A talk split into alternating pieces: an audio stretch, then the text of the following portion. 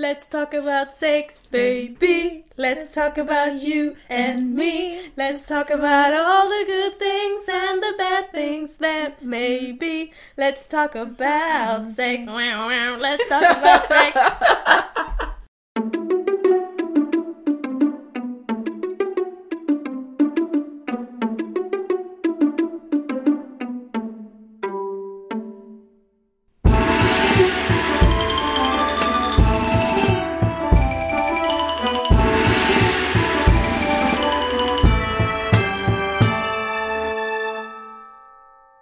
välkomna till Podius Castus, en podd om antiken. Vi som sitter här idag är jag, Hanna. Ja, Emily. Och jag Angelica. Och idag ska vi bli gravida! Nej! Och föda Eller- barn! Eller nej! Eller jo! Eller, Eller kanske... Ja, kanske. Vi får se om vi överlever. Alltså man kan ju hoppas man överlever samlaget åtminstone eller? Ja, det... Åtminstone två av tre borde överleva samlaget. Hur många som sen överlever graviditeten och förlossningen, we'll see. Men Kan jag bara så här självdö i början? vi, vi får se. Fast om du dör under samlaget så är det nog inte så mycket självdö Ja, men jag utan tänker andra. innan. Ja, du tänker innan, okej. Vi får se om du får det Angelica eller inte. Vi ska alltså prata om graviditet, förlossning, barnmorskor och allt som hör där till. Fast Yes. under antiken. Yes. Så för drygt 2000 år till 3000, 3500 år tillbaka tänker jag att vi rör oss. yes. Ja. Så, alltså, på vissa, så, här, så mycket har fasen inte förändrats alltså. Nej, grejer är Nej, faktiskt det- samma. Eh, Speciellt på ett- alla mänskliga delar skulle jag säga. Ja, precis. Eh, De, de är ju samma. Ja. Eh, Nu vet vi i och för sig hur de flesta av dem funkar lite mer precis. Ja, gud, ja. än, än vad man visste då. Ja, det tror jag nog. Det är bara en googling. Eh, Bara en googling iväg. Ja. En googling bort. Och eh, om vi ska göra en sån här liten disclaimer. Är du gravid, prata med din läkare eller barnmorska och försök inte på någon av de här grejerna själv. Nej. Det borde säga sig självt. Ja. Men för alla och, och vet du inte, är du inte hundra på hur barn blir till, lyssna inte på oss utan googla det också. Ja, RFSU har jättebra ja, information, precis. 1177 har jättebra information. Familjeliv är inte så bra. Ursäkta. Ja, Ganska kul och... Det är jätteroligt. Men då- men, men så här, det är ju ingen som har korr eller så här, faktagranska Nej. familjeliv. Nej. Nej. Ja, men vi kommer fram till att det här med att vara gravid, det har ju alltid Ja, varit annars hade det ju varit svårt att föröka sig va? Ja, precis, det har ju alltid funnits med. Det har Ja. funnits alltid. varit Och en det- ganska stor del. Alltså Ja. man kan ju säga innan vi blev bofasta så var ju liksom så här, fertilitetsgudinnan var ju the shit. Ja. Och, och fertilitetsgudar och gudinnor har ju varit, det har ju varit jättestort. Ja. Superviktigt. Alltså både för människor men också för djur, natur, odling. Absolut, He- hela biten. Vi kommer inte prata jättemycket om just fertilitetsgudar utan Nej. mer hålla oss till det medicinska Ja, i det här avsnittet. Mänskliga. Precis. Ja. Vad ska man säga om graviditet? Det är en eh, upplevelse. Ja, det är det absolut. Hanna är ju den av oss som har barn. Ja. Ja, det är Eh, en upplevelse. Det beror ju på om man vill ha barn eller inte. Jag tyckte det var en, en häftig upplevelse även att föda barn. Men eh, jag vet inte om jag hade tyckt att det var fullt lika roligt om jag inte hade haft ett sjukhus, flera barnmorskor, visste att det fanns läkare runt hörnet, en fantastisk undersköterska och lustgas. Och lite andra så, smärtstillande. För 2000 år sedan var det nog En stor risk. en jättestor risk. Ja. Och det är det ju fortfarande i stora delar av världen idag. Ja gud ja, alltså, folk dör ju till och med i Sverige varje år. Ja, Eller folk. Jo, folk. Folk, Personer ja. som Personer, är gravida dör ja. varje år. och, och även barn.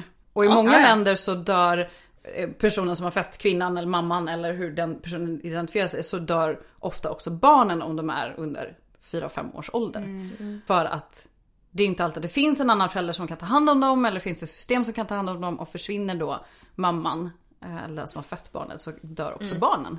Så att det är en stor risk för, för den som föder och även för de eventuella tidigare barn som fanns med i bilden. Men eh, vi bor ju tack och lov i Sverige eh, så vi kommer väl kanske jämföra med hur vi har det här i Sverige och i västvärlden. Ja men det är väl, det är väl klokt. Det vet vi ju mest om ändå. Ja. Och vi har det ganska bra kan man ju sammanfatta det. Vi kommer gå in på Ganska detaljerna. Mm, ganska Kunde bra. alltid ha det bättre. Man kan alltid bli Det, bättre. det, är en annan, det är en helt annan diskussion. Man kan alltid bli bättre. Ja. Så är det. det. Så är det alltid. Men vi har, vad har vi för källor då? Eh, Eftersom vi pratar antiken så är det fokus Grekland och Rom. Ja. Men även också Egypten idag. Ja, för de, alltså, de var ju way ahead, alltså väldigt före sin tid. Medicinskt ja. Ja, ja och, eller mycket annat också. Men... ja och, och som med mycket annat och som med mycket av källorna vi har om Grekland och Rom har vi hittat i Egypten. För att det är torrt. Och Precis. varmt. Och de hade ju en, en hög kultur som var väldigt tidig. Så att där har vi ju väldigt tidiga källor i förhållande till Precis, den det, är ju romerska världen. det är ju nästan lika långt från de första, alltså så här, de stora pyramiderna till antik, alltså till romarna som det är från romarna till oss. Absolut, ja. Men då ska man säga från, alltså källor från cirka 1500 före vår tidräkning Ja. till 100-talet efter vår tidräkning. Precis. 1600 år där. Det, Ja. Inte dåligt. nej, det är Alltså om man tänker tillbaka, det är liksom som om vi skulle prata idag versus 400-talet. Ja, ja, ja men precis. Eh, och det gör ju att alla de olika idéerna och tipsen och så som man hade under den tid som vi kommade upp, de var ju inte konstanta Nej. genom Nej. den här 1600 års långa perioden och den kommer vara olika beroende på plats och även om vi pratar till exempel om en egyptisk tradition så såg den ju olika ut beroende på var i Egypten man bodde och det fanns ju Absolut. lokala variationer. Det här är liksom en liten överblick. Ja, precis. Och vi har ju olika typer av källor. Mm. Skriftliga obviously, vilket Mhm. är en av de coolaste sakerna med antiken. Precis. och det kommer vi använda oss väldigt mycket av i det här Ja, avsnittet. Men tänk, eh, vi har, tänker att vi börjar med avbildningar, alltså målningar, eh, reliefer och sådana saker. Ja, och det finns ju ganska gott om olika avbildningar av just kvinnor som föder. Mm. Och det är ja, ofta reliefer då. Alltså i, i, det är uthugget i sten som man kan känna på. Ja, Eller vad man ska, alltså det är liksom som en... St- Den står ut. Ja, det står ut. en- Ja, ja precis. precis. Jag skulle säga slab, men det hjälper ju inte folk som inte kan eh, lingot anyway för att det är engelskt. Nej. Och, och det finns även avbildningar av kvinnor som ammar. precis. Mm. Och då också även eh, barnmorskor som vi kommer komma in på. Mm. Eh, Så det finns lite olika. Och då, de här avbildningarna hittar man både i Egypten och man hittar den i grekiska världen och i den romerska Mm. världen. Så de finns lite utspridda. Och på Instagram så kommer ni, om ni följer oss där, kommer ni ha sett några sådana bilder under veckan. Skriftliga källor då. Ja, kan vi, vi tar den äldsta först.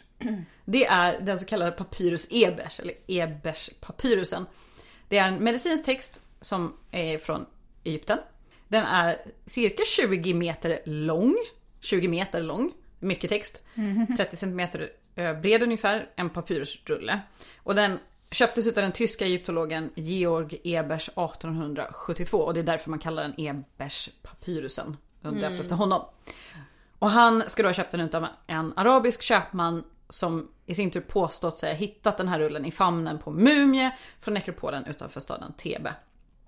Det vet vi inte om det stämmer, men den innehåller recept på hur man botar upp till 800 olika åkommor. Den har en förteckning på över 700 inhemska och utländska droger eller mediciner. Och man tror att den skrevs av en egyptisk läkare runt, det här är ett så här, runt och så ett specifikt årtal, men runt 1534 före vår tidräkning. 1500-talet före vår tidräkning, Ja. runt cirka ish. Och i den här och Ebers finns det då en del eller en sektion som behandlar så kallade kvinnosjukdomar och just graviditet. Men tänk så här, 30 cm bred, det är ju, det är ju som eh, ett men- liggande A4. Ja, precis. Ja precis. Det är, Och sen 20 meter. ja, Så jäkla coolt. ja. Och Undrar hur många tidigt. sidor det skulle bli.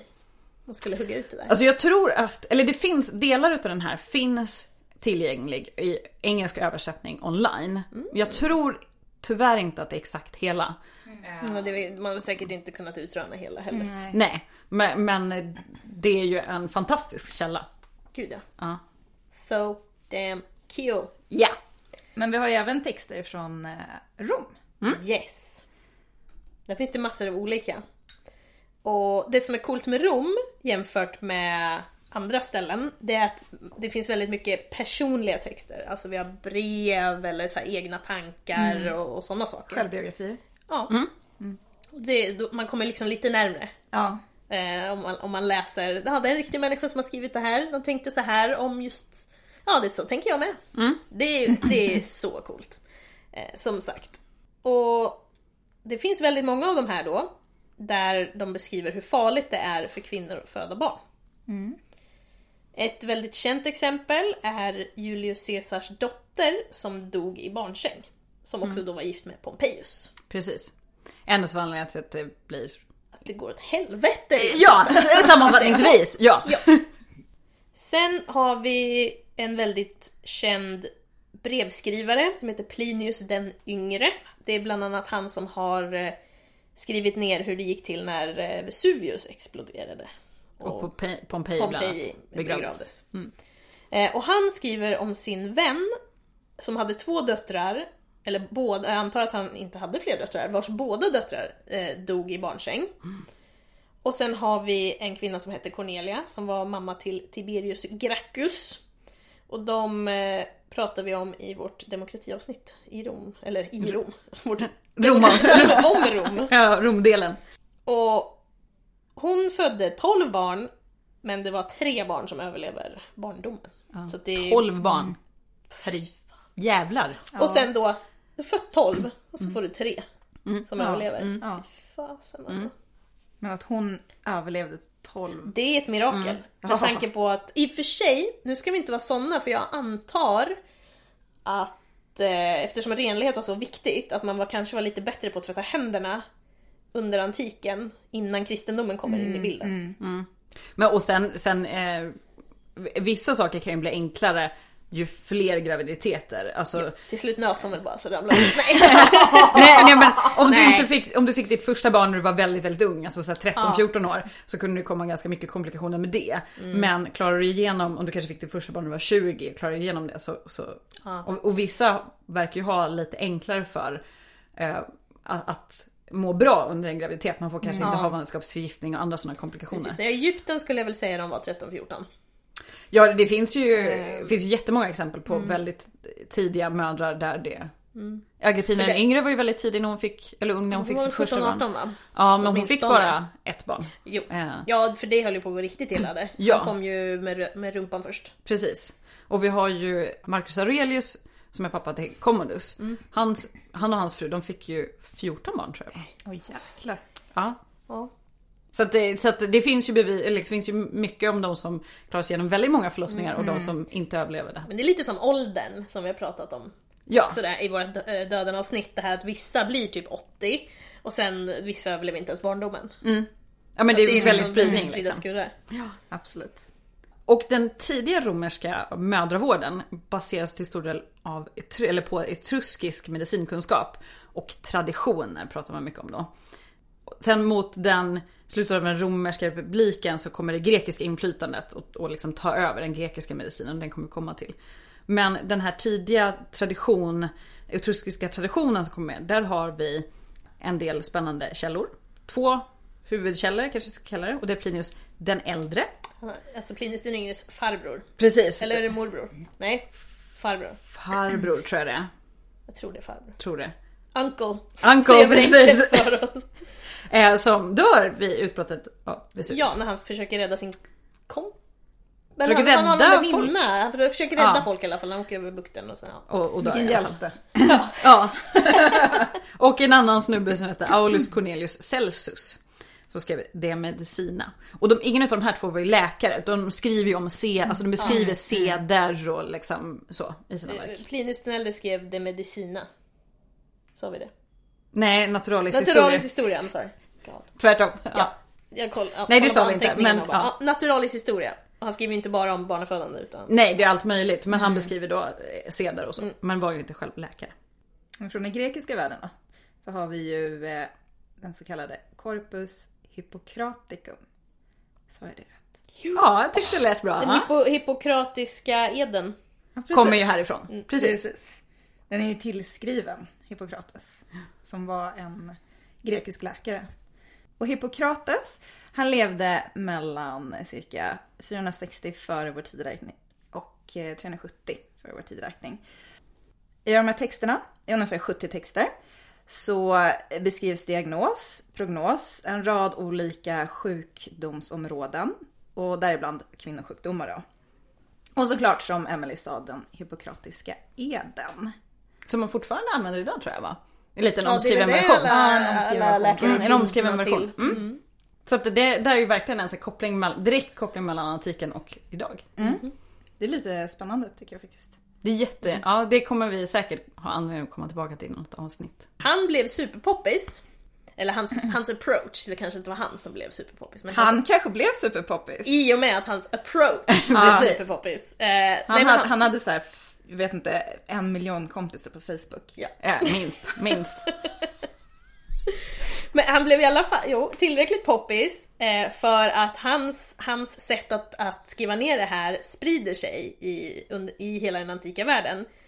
Och även då till Rom. Och när det här blir mer och mer accepterat eh, så blir man också mer och mer rationell eller observant eller vad man ska säga i sin approach till, till olika delar av, av medicin eller vad man ska säga, även förlossningsvården. Men det, det är framförallt typ det här med prognosdiagnos, att man tittar på så här olika orsaker, samverkan, effekter. Att, att vi, kanske mer utav det här myter, gudar och, och liksom allt det här kanske fått kliva tillbaka lite för det man ser. Alltså man, man påbörjar en process där man typ smakar på folks urin och Ja. luktar på. Och, alltså det funkar Delvis funkar ju. Har man urinvägsinfektion luktar urinet surt. Ja. Och då kan man säga att okej någonting är fel. Så, så att man, det kommer mycket mer ett rationellt tankesätt. Och när det då, alltså det var ju många som var emot det här också. Men när det här blir lite mer gängse så går det, till exempel i Rom går det från att pater familias, alltså familjens överhuvud, var den som ansvarade för familjens medicinska kompetens. Som inte egentligen var någonting de kunde. Till att man faktiskt kanske hyrde en just grekisk läkare.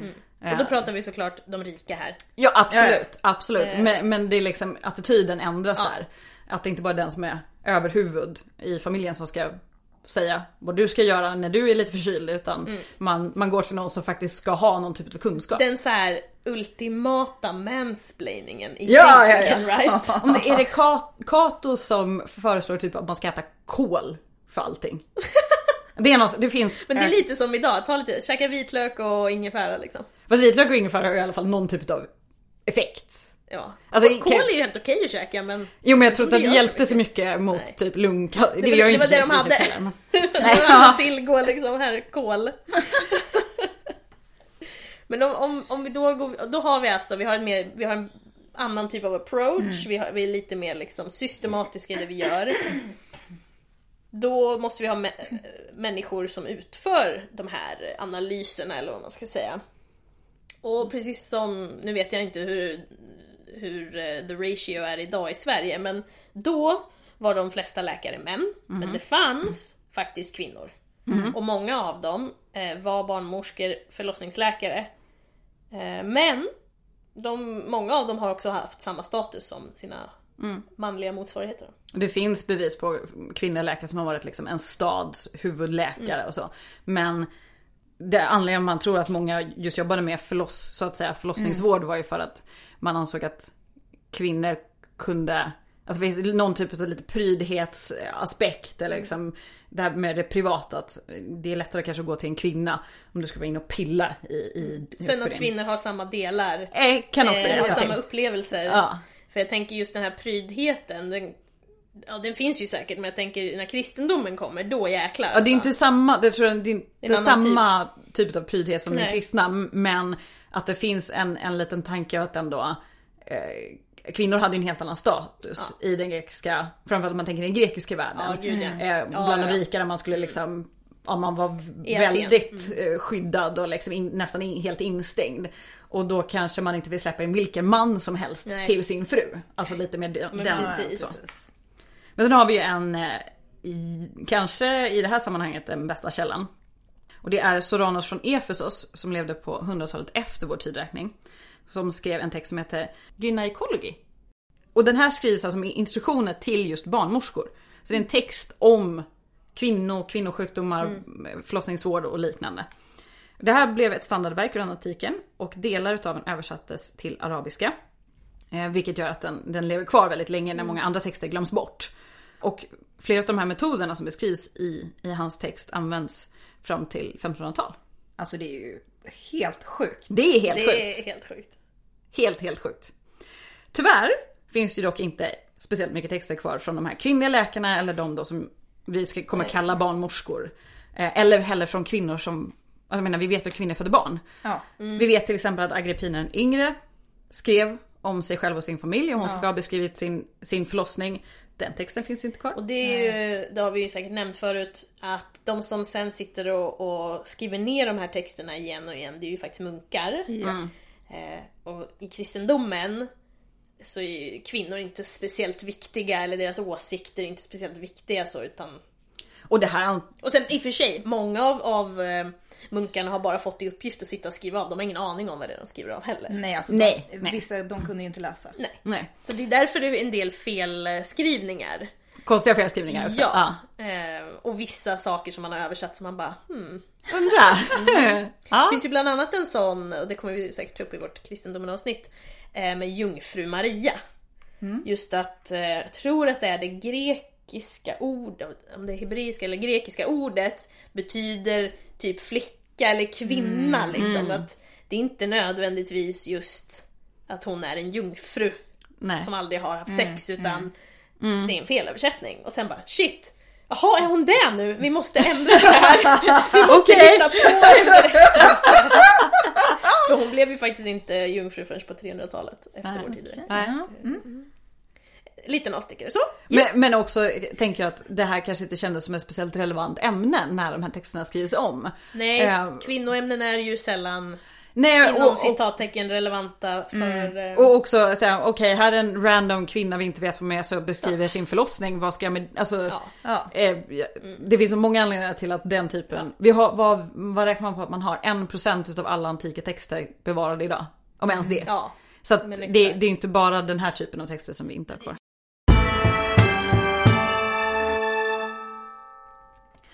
Och just idag kommer vi inte ta upp någonting om preventivmedel. För det hade man ju också. Utan det har ni redan lyssnat på eller så kan ni lyssna på i vårt minisnitt om just preventivmedel. Jag säger bara krokodilbajs. Japp. Det är den bästa, alltså det är en av de bästa. Ja. Lätt alltså. Så lyssna på det. Jag sa ju att vi skulle bli gravida. Yes! Och för att vi ska kunna bli gravida måste vi ha sex. Exakt hur befruktning faktiskt går till vet man ju inte helt säkert under antiken. Soranos, som vi nämnde tidigare, han har identifierat tiden när mensen är på väg att ta slut som den bästa tiden för sex. Om man nu vill bli gravid i alla fall.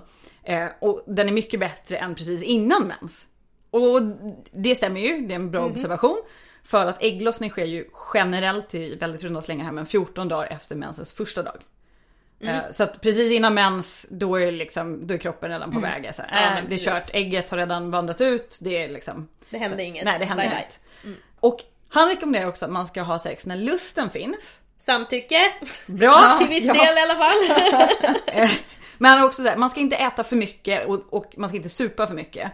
Man ska heller inte äta för lite så att man inte har någon energi. Mm. Det är dumt. Och gärna lite massage. Det här, är det här måste vi nästan bryta ner, okej? Du ska inte ha ätit för mycket eller druckit för mycket. Druckit, har du druckit för mycket som man, då har du lite svårt att prestera här. Och har du druckit för mycket som kvinna så kan ditt foster få missbildningar. Ja, Så det är dumt. ja. Har du ätit för lite, ja men då orkar man ju inte. Nej. Då är det inget kul alls liksom. Det här är ju ändå sound reasoning. Ja. Ja. Och sen just det här eftermassage, a.k.a. förspel. Ja. Alltså, personligen tycker jag det här låter så ganska sunda eh, liksom, rekommendationer. Verkligen. Men för det är också, efter, just med klitoris och hela, alltså man vet ju egentligen inte exakt funktion, förutom njutningen då på klitoris. Men att man eventuellt ser samband om man är väldigt upphetsad som kvinna och hur, hur bra befruktningen går. Att de två kan höra ihop. Så att om en kvinna är väldigt upphetsad så kan det gå lättare att bli gravid. Och så, Maybe! Får, du det, din partner att vara lite mer pepp på idén om att ha sex så kommer du antagligen ha sex. mer. Nej men jag menar, Ja, ja. det, det är så här, Ja, stopp min visst. kropp var ju faktiskt inte ett eh, koncept under antiken. Nej det var det inte. Det var det verkligen inte. Det, det ska man verkligen inte säga. Men sannolikheten att, att det blir mer sex och sex oftare om den du ska ha sex Mm. med tycker det här är en kul och bra idé. Det, det, det är ju ett liksom... Och, och sen då ska vi skilja på att ha sex för att få barn Mhm. versus att ha sex. Ja, absolut. För att om du är rik, återigen vi har mest info om de rika. Mm. Om du är rik, då ligger inte du med din fru speciellt ofta och du ligger inte med henne för nöjes skull. Just för risken med barnafödande. Du vill inte göra henne gravid för ofta. Nej. För dör hon, då faller hela eran hushållsekonomi för att det är hon som sköter den. Ja, och du måste gifta om dig för Ja, nya det är jobbigt alltså. Och sen så gifter man sig ju sällan för kärlek. så att det, det, är finns ju också... Det är ju en senare uppfinning. Ja. Det, det här är ju, det här är ju Strategi. affärer. Det är strategi, det är affärer. Det var därför man Ja. kunde skilja sig också. Där, där fa- pappa nej du måste skilja dig nu för du ska gifta dig med den här istället. Kejsarna gjorde det till höger och vänster. Ja, ja, ja. Höger och vänster. Och åter, som det har vi sagt förut också, kvinnorna är ju faktiskt väldigt unga jämfört med männen ofta Mm. i de här eh, äktenskapen. Mannen är ju 20 20-25 år äldre. Och då kan man tänka sig att liksom den, eh, den relationen kanske inte är så jämställd och kanske inte har så mycket gemensamt. Att båda då kanske hittar partner för att ha det njutningsfulla sexet kan ju vara liksom, vid sidan av. Nej men exakt. Men sen har vi, det här tycker jag är lite fantastiskt. I de hippokratiska texterna så förklarar man att kvinnans livmoder och den betraktas nästan som en liksom enskild levande varelse i kvinnans kropp. Så coolt! Ja, det här, tänk en liksom livmodern och så har den små ögon och små tänder Fatta och att de ändå förstår att det liksom det är där magin sker. ändå. Ja men det har, Ja. de, det har de verkligen hajat. Ja. Det är de helt... Men det kan man ju å andra sidan se liksom, du dissekerar en död eh, gravid kvinna. Okej, Ja. barnet ligger i eh, ja, livmodern. det är sant. Ja, det är ja. sant. Men i de hippokratiska texterna så förklarar man att den här livmodern, den här lilla varelsen är, den, den gnuggas om man har vaginalt sex. Och det här skapar liksom en irritation som bygger upp en hetta. eh, Som också då blir en, en skön känsla liksom. Så det bara byggs upp, byggs upp och byggs upp. Och den här hettan, den måste släckas. Och den släcks utav sperman. Alltså mannens sperma. Ja, ja. För, för grejen var att i samma text så står det ju att både kvinnan och mannen har en sorts sperma. Ja, och det kommer vi komma in på. Men, men, men eh, den mannen släcker den. Men de har, och ju, då, de har ju hajat eh, orgasm alltså for sure. Alltså både kvinnan som, alltså mannen ser ju självklart så men de har ju hajat kvinnan också känns det som. Ja, fast å andra sidan säger de att kvinnans njutning tar alltid slut med mannens njutning. That is true. Men, men i samma text säger de också att kvinnan njuter inte lika mycket som mannen av sex. Och då spontant tänker jag när jag läser så här, ja det är för att de är inte så jävla bra på att få igång kvinnan. Nej och sen alltså fakta. Jag vet inte hur liten procent det är av kvinnor som kommer från bara vaginalt sex. De flesta kvinnor kommer inte bara av det. Det krävs Precis. andra stimuli också. Ja. Och man tänker att, att man liksom, ja, man hade ju inte liksom RFSU som åkte runt i skolan och berättade om hur det här funkar och förspel och liksom. De flesta personers kunskap kring sex och samliv under den här perioden var kanske inte, det var liksom learning by doing Ja, och det beror ju på så. vad man hade för, för doing för att lära sig något. Ja, det var en dag så bara oj, vad är det som händer här nere? Ja, men Nej typ. men alltså på ett sätt i och för sig så, så var det ju, man gick ju inte och gömde sånt som man gör Nej. när kristendomen kommer, det är ju inget skamfyllt så. Nej. Det är ju liksom alltså, nakna gudinnor och gudar lite överallt. Man kan köpa där man har sex och, ja. Alltså, det, det, det finns i samhället på ett helt annat sätt. Man ser djuren ha sex. Men, men det finns kanske inte lika mycket så här. Vad ska man säga, in, instruktionsvideos Nej. eller liknande. Så här, testa det här och, och om, du inte, om det inte funkar för dig, Jag kan ju stimulera i och för de sig här. tänka mig och- så här, just vid giftermål, i alla fall de rika familjerna. Att så här, mamman tar dottern och bara "Ja, du vet att nu förväntas det här Ja. av dig och si och så. Så ja, nej. Men Angelica, du nämnde ju kvinnan också har sperma. Kan inte du utveckla det här för oss? Jo, för de som inte vet så har kvinnor också sperma. News for me. Ja. News for me too. Men, men på ett sätt, alltså för blir man tillräckligt upphetsad som kvinna då, händer, då, då börjar det ju läcka ut lite vätskor liksom och det är inte helt olikt. Eh, Nej nej, det är ju ändå Sperma. någonstans ett förståeligt resonemang. Ja. Men sen kommer det lite mer kring det här. Men, men eh, ja. Kvinnan har också sperma. Ja, och båda, båda utsöndras under samlag. Men, men det är också det väldigt praktiska, extremt praktiska här att om en kvinna ligger med en man, tänker det? Mm. Och när kvinnan säger att jag vill inte bli gravid, eh, då stöter hon ut eh, både sin egen och mannens sperma. Nej. Ja! What? Och då blir hon inte gravid. Det, det är ju faktiskt inte allt för länge sedan eh, det var någon nisse i, någon politiker i USA som sa precis det. Exakt. Mm. Ja, men kvinnor vill, alltså vill de inte bli gravida då blir de ju inte det. För det var i samband med våldtäkt och abort tror jag. Ja, det var wow. exakt Och han bara rakt upp och ner, ja men kvinnor vill, vill de inte så blir de inte det. Och man bara. Ja. Tänk om det ändå vore så. Om det vore så enkelt så skulle vi inte behöva p-piller och, och andra typer utav... Herregud. Ja. Nej. Mm. Men, men så... Men i och för sig under antiken, fair enough alltså. Fair enough, Fair absolut. enough. Men det kan ju också vara det där att eh, om eller jag, jag kan tänka mig att det här under antiken kommer ifrån att ja, vissa kvinnor vet ju ungefär när de kan bli gravida. Ja. Ja, Alltså de har ju koll. ja. Absolut. Alla hade ju förmodligen inte det. Men vissa hade koll och då kunde de liksom så här, Ja, de har ju förmodligen pratat med någon annan som Ja. är äldre, som förmodligen har koll. Och, och som vet Absolut. just det här man kanske har sex lite närmare när man tror att man får sin mens. Och Ja. det alltså så. Ja men exakt. Absolut. Och så kunde man ju då, om, om ens fru inte blev gravid kunde man skylla på att hon inte ville. Ja. det, är- men det är ju alltid kvinnors fel, det vet vi. Ja.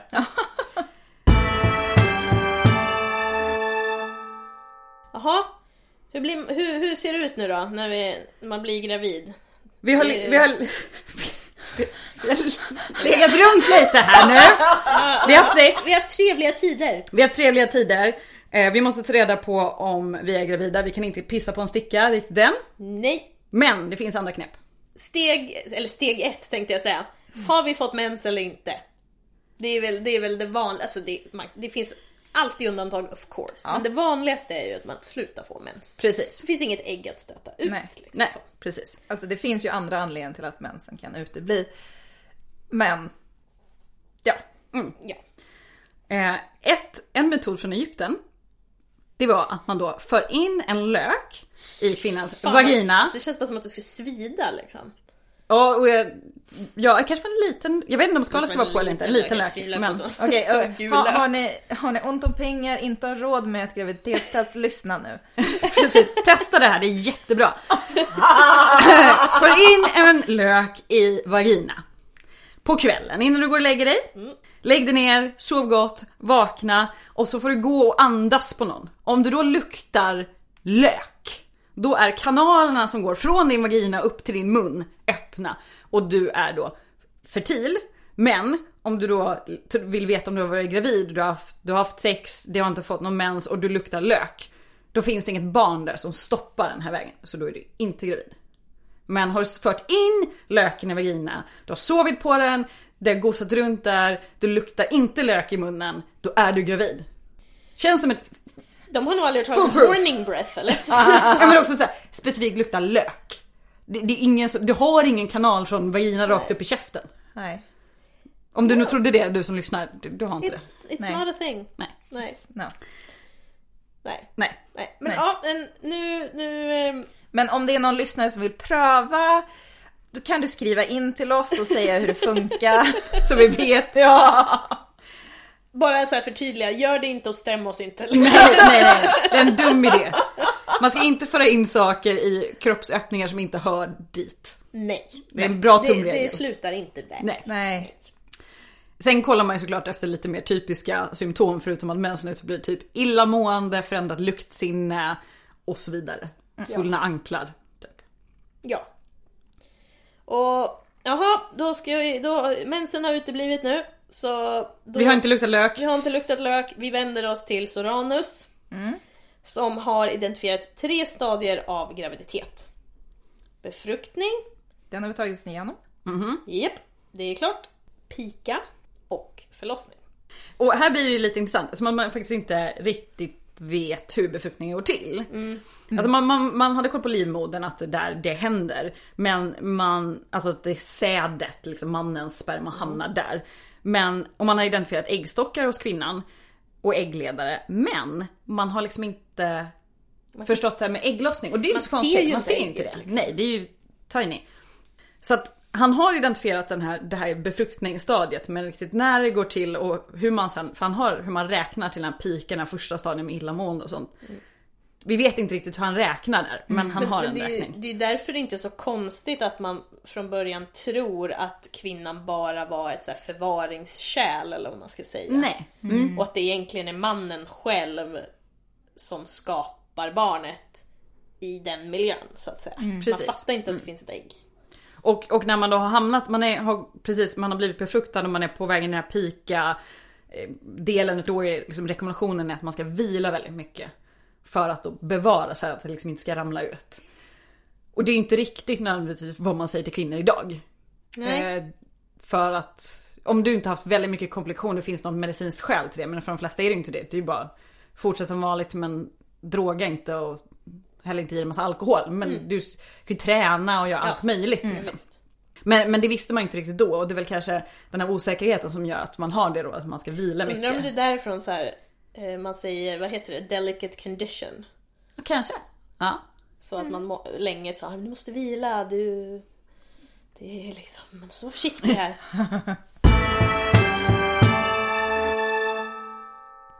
Alright, nu är det dags Är det att dags? föda. Nej, det är inte dags att föda. Nu är det dags att öka antalet födslar. Det är det däremot. Ah! Man har ju alltid fött barn men under antiken vill man att man ska föda fler barn. Ja. Mer barn. För precis som idag så har det ju faktiskt gått upp och ner med antal födslar Ja. eh, i världen. Och ungefär runt, det är runt 400-500-tal efter vår tideräkning i Rom som det är så här, jag vet inte, det är inte ens en femtedel av befolkningen i Rom jämfört med för så här 500 år tidigare. Och det, redan långt innan det så börjar man ju upp, alltså man blir lite orolig för att det föds för lite barn. Och då pratar vi om legitima arvingar. Om man är i Aten så är atenska medborgare, är det Rom är det romerska medborgare. Man är inte så intresserad av slav, eller ja, man är intresserad av slavarna för att de är en, en handelsvara. Men, men inte i befolkningsmängd så. Nej. Eh, Så man lagstiftar faktiskt både i Aten och Rom för att både skydda medborgarskapet men att liksom främja det här. Och det är Eh. fantastiskt. Ja, kan inte du ta Alltså- några exempel? Ja, ett exempel är ju eh, Solon. Schysst snubbe Aten, eller schysst snubbe, men snubbe Aten. Han stiftar ju några lagar. Och eh, en lag är ju att en gift man eh, var tvungen att ha sex med sin fru minst tre gånger i månaden. Det är schysst. Men det här har vi pratat om i vårt Ja. demokratiavsnitt. Ja. Vem kollade det här? Precis, vem kom hem och höll räkningen? Stod någon utanför och tog tiden? Liksom? Ja! Och det, och det är ju just, ja, som vi nämnde, att det kanske inte det kanske inte är sin fru man helst ligger med, men det är ju för Nej. att främja de här legitima Men det, ja, kanske, det kan ju också vara därför de, de lagstiftar om det här. För att han hellre ligger med någon annan. Ja, precis. Återigen, det är så här 15 års åldersskillnad. De Ja. kanske inte alls är attraherade av varandra. Alltså det, Nej. ja. Nej. Nej. Romerska kejsaren Augustus, han skapar också mycket lagar kring just familjen. Jag var lite inne på det. Han, både straff, för till exempel otrohet, det gillade han inte. Eh, Men också lite så här, mer morötter, så han vill ha båda delarna. Så till exempel så gör han så att kvinnor som har fött tre barn som blir namngivna, som, som inte sätts ut eller mördas. Hon kan bli myndig om hon skiljer sig eller när hon blir änka. Det det här- är ju faktiskt ganska tilltalande. Absolut, för, för kvinnor är ju omyndiga. Ja. Eh, Men här har kvinnan eh, helt plötsligt en möjlighet att bli myndig. Eh, Så att, så att eh, han, Augustus jobbar lite mer med både det här bestraffning och Det är också, det är också så morotsknepet. intressant att han bara Ja just det, tjej, eller kvinnor sen kanske inte gillar sin situation speciellt mycket. Hmm. ja, precis. Oj då. Det visar ju ändå att han tänkte på det. Ja, men det, men det är ju lite den här De vet att det inte är, alltså Ja. att det finns missnöje men de skiter i. Ja, ja absolut. Inte helt olikt idag. Men, men okej, skit i de här gubbarna som gör lagar. Eh, ett annat sätt då att främja barnafödande, eh, oavsett om det är medvetet eller omedvetet, var ju också genom synen på kvinnosjukdomar. Och här kommer en av de mest fantastiska sakerna eh, ni kommer höra idag.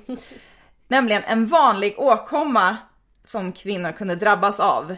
Och det var ju vandrande livmoder. Love this. Ja. Ja, eh, och det, det, jag känner ibland så, så lider jag lite av vandrande livmoder. En önskan om en vandrande liv eller något annat kanske. Men den här livmodern då, eh, den, eh, kvinnans livmoder måste ju hållas fuktig. Och eh, i de här hippokratiska texterna beskrivs hur kvinnor som har sex, de är ju hälsosammare. Såklart. För deras livmödrar är fuktigare. Mer sperma, mer fukt. Ja, Och- precis. Ja precis, både kvinnlig och manlig Ja, sperma ja, här. Men det, är- det är också... All that sperm! sperm. Och, Det här, nu kommer den bästa Ja. delen. Ja. och om en livmoder blir för torr så kan den börja vandra. Den bara tar sitt pick och pack och drar. Ja, men den Ja. vandrar, den söker fukten i kroppen. Och då kan den orsaka skada och, och besvär på andra ställen i kroppen. Om exempelvis har man problem med lungorna så har livmodern kanske vandrat dit. Och bara sugit sig fast och bara... Jag undrar om de någonsin har hittat en livmoder vid lungan liksom. Men det kanske är så här, jag vet inte hur eh, häp- eh, glada de var i att eh, öppna upp döda människor. Säkert ganska. Ja, men tänk så här, de, de, de, de har en kvinna med lungcancer. Ja. Ja, Fa- Fast å andra sidan, öppnar man inte upp mer typ från, från, så här, från gladiatorspel och det nödvändigtvis vara så många kvinnor alla gånger. Och för sig, för sig då inte. gravida kvinnor då kanske. Ja. Tanke, ja. Eh, men i och för sig, om hon var ganska långt gången då är ju allting väldigt, då har man ju tryckt undan organen. Ja. Men, men sen, jag kan ju spontant känna så här, det är lite så här, lite lat. Det är min tolkning, det är så här mina moderna glasögon med lite lathet i det. Så okej, här är Angelica och hon har huvudvärk, det är hennes livmoder. Här är Angelica och hon har ont i benet, det är hennes livmoder. Så bara, kom igen. De hade så det- mycket kunskap. Det, det är väl lite som... De kan ju eh, operera starr i ögonen. de, de, Men de det- verktygen ser för övrigt typ likadana ut som för 2000 år sedan. Ja, det är ganska coolt. det är jättecoolt. Och så har vi vandrande livmoder. Ja. Men det, men det är väl Som lite, sagt, moderna glasögon. Lite jag vet. den här, ja jag har ont i bröstet, ja du har ångest.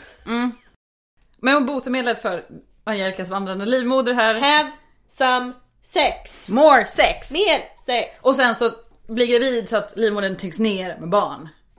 Dö, så. Yes. Så att, till exempel kan plötslig kvävning förebyggas med lots and lots of sex people. Hos, lots hos lots vuxna kvinnor eller? Ja. För så ofta har man ju så spontan kvävning eller? Tydligen! Jag, jag tänker att det här är någon sån, mod, eller modern, någon ancient Heimlich. Ja, ja. Hon Alltså, kvävs! De bilderna, henne! de bilderna jag får nu, oh my god. Ja. Men då är det ju livmodern som har vandrat upp och bara tagit över Ja. Och Ja. Så, ja. Ja. ja du har brutit tån, det är livmoder. De hade ju såklart andra idéer också men när man läser Nej, nej, de här nej, nej, texterna. nej. Allt var livmodern. Ja men när man läser de här texterna, när man kommer in på de här delarna så känner man spontant lite så här. När de ändå har så pass mycket som är så, här, så logisk så här, logiska steg när de så här, identifierar problem och så här. Hur kom de till den slutsatsen? Men det är som du säger, de så här orkar inte mer, de bara fuck it. Det är, Ja. det är säkert livmoder. Men så plötslig kvävning, om det nu var så pass vanligt att man behöver liksom prata om det borde ju ha hänt, drabbat män också. Ja men det, ja, det är väldigt... Ja. Kvävning. Jaha. Med hans händer runt hennes hals då eller? Menar? men gud. Ja, hur som helst, botemedlet var mycket sex och, och graviditet. Alltså nu, nu ser jag bara en massa så här äh, fester. Bara, ah, han kvävs. Ja, Jag måste ha sex med honom. Nej det gäller bara kvinnor, han får kvävas där borta. Ah, illa. Om du var kvinna hade du inte dött. Nu är du död. Sorry. Har du livmoder? Nej. Nej, nej, Jag vet inte vad jag ska göra. Nej. Sorry. Men Man nu, har inte uppfunnit Heimlich än. Det är lite för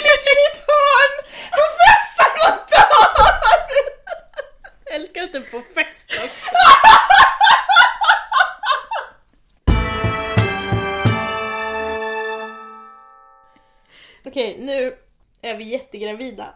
äntligen Emily, nu är du jättegravid. Grattis Emelie. Yes! Grattis. Du har kommit till och den då här måste pika. vi lyssna på Soranos. Ja, du har kommit till pika-fasen. Pika-fasen! Pika-fasen, pika-fasen. När är den? 40 dagar efter befruktning.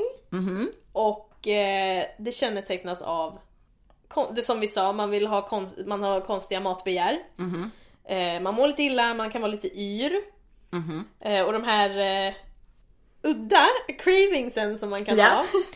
Eh, det är eh, bland annat efter jord, kål, vinrankor och omogen frukt. Ja. Man har ju hört om kvinnor alltså, som äter typ slickar på, på väggarna i en källare Ja, för att de behöver kul. kalk. Ja. Ja. Eh, absolut. Så att, eh, liksom, Då skulle de här man ju köpa konstiga- saltsten typ. Eller, eller äta, har. Idag har vi kosttillskott men eller saltsten. Eller. Eller, eller så kan man göra som Emily tycker man gör. Ta en salt, eh, Ta en saltsten. Mm. Men och det, det går ju inte. Det kan man ju inte äta liksom. Tycker han. Nej, jag gjorde alltså, det fysiskt faktiskt kan du ju göra men, det men inte jord så är kanske inte så lämpligt alla gånger. Nej. är nog inte heller så bra Nej. saker. Omogen frukt, lite ma- ont i magen tänker jag på Men det beror på vilken frukt det är. Ja. Ja men det, det går ju ändå an. That's fine. Ja.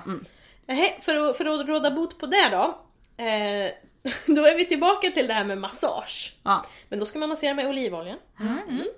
Och sen så ska man ha en mild diet på till exempel ägg och risgröt. Och sen så det här med vila var ju så, så viktigt. Men för de flesta då var det liksom så här. Ja, jobba eller dö. Man var ju inte superrik liksom. Nej. Nej nej nej, de var flesta var ju på. fattiga. Ja. Eh, och just beror det här, och, och diet, dieten beror ju helt på vart man bor. ja. Det är verkligen så eh, lokalt Mm. varierande. Men gröt har ju väldigt väldigt länge varit en så här staple i, i människans Mm. Men just det här med eh, risgröt är ju inte jättevanligt. Nej inte risgröt utan nu tänker jag olika Spannmålsgröt. spannmålsgröt. Typ Eh, havre, fram till typ korn. industrialisering har ju Ja, det varit visst. väldigt, väldigt vanligt. Genom människans historia efter Det får man ju jordbrukssamhället. utsökt och tänka på utvandrarna. Ja, jag tänkte Ja. på det också. Eller det är inte utvandrarna, det måste vara invandrarna. Ja. Någon Andra jag har boken. inte läst dem. Jag har bara sett eh, filmen jag har bara läst när jag var liten och blev så här ärrad för livet. Ja. När ungen äter den här gröten. Ja, en Och sen dör bara... hon. Hennes mage exploderar. I alla fall. Kanske inte med den ljudeffekten. Nej. Nej. Nej, nej. Nej, men ja, de flesta kunde inte bara chilla liksom. Nej. nej. Utan det var arbeta som Ja. gällde. Men nu kanske man faktiskt inte vill bli gravid stup i kvarten. Nej. Så att, vad gör man då? Jo, ehm, man kan försöka framkalla abort. Och både Soranos och Plinius den äldre beskriver växten silfium. Och den här växte i Kyrene som ligger i, eller låg i, men det som är dagens Libyen. Den här växten finns inte kvar idag. Det är den, här, jätteintressant. den här blev så populär att den skördades tills den försvann. Men herregud. Så coolt. Ja, och den här var också, det blev en jättestor exportvara så att man kan se den på mynt. Mm. Jättevanlig på mynt. Och den här, den användes ju inte bara som abortmedel utan alla möjliga olika, läkemedel. Och som krydda. Så den var liksom någon sån här tänkte säga allrengöringsmedel heter det inte men eh, all- allmänt botemedel. Ja. Sen har man även polejmynta som är något giftig. Um, som man kunde använda för att orsa- orsaka abort. Det är ju ganska logiskt Mm. ändå. En annan växt som man skriver om är, eh, är en ingrediens i så kallat abortvin. Eh, Och det är hel, vad heter det? helleborus, alltså julros. Testa inte det för julrosen är giftig och den kan vara dödlig. Jag tror den är giftig för katter också. Det kan nog stämma. Ja. Alltså, det, det, den har ju ett Typ giftigt alla växter är giftiga för katter. Mm, Inte ampelilja. Nej, förutom ampelilja, det är som kattgräs. Men i, i Iberius-papyrusen så finns ju en eh, ihopkok av honung blandad med krossade fikon. Och det kanske ni tycker, ah, det låter ju ganska nice. Men det ska upp i vaginan. Japp!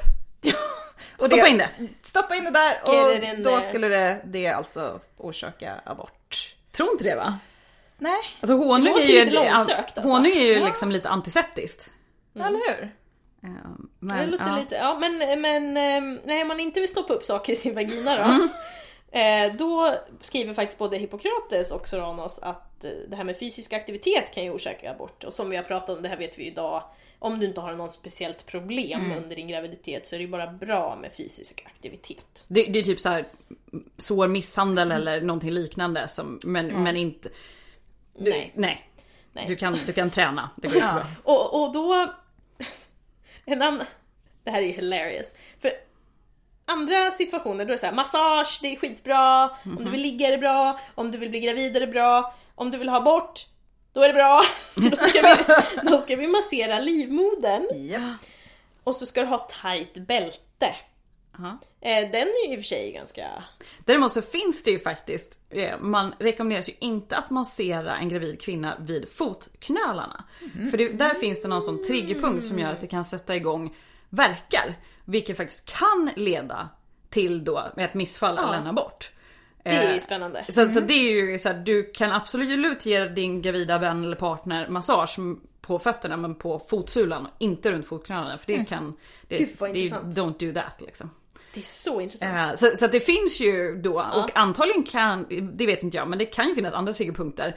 Men kanske inte just de här. Nej, men jag tänker så här massage av livmodern. Det, är det som du sa, det känns ju som det skulle behövas, alltså inte massage utan Stå och slå någon i Ja, precis.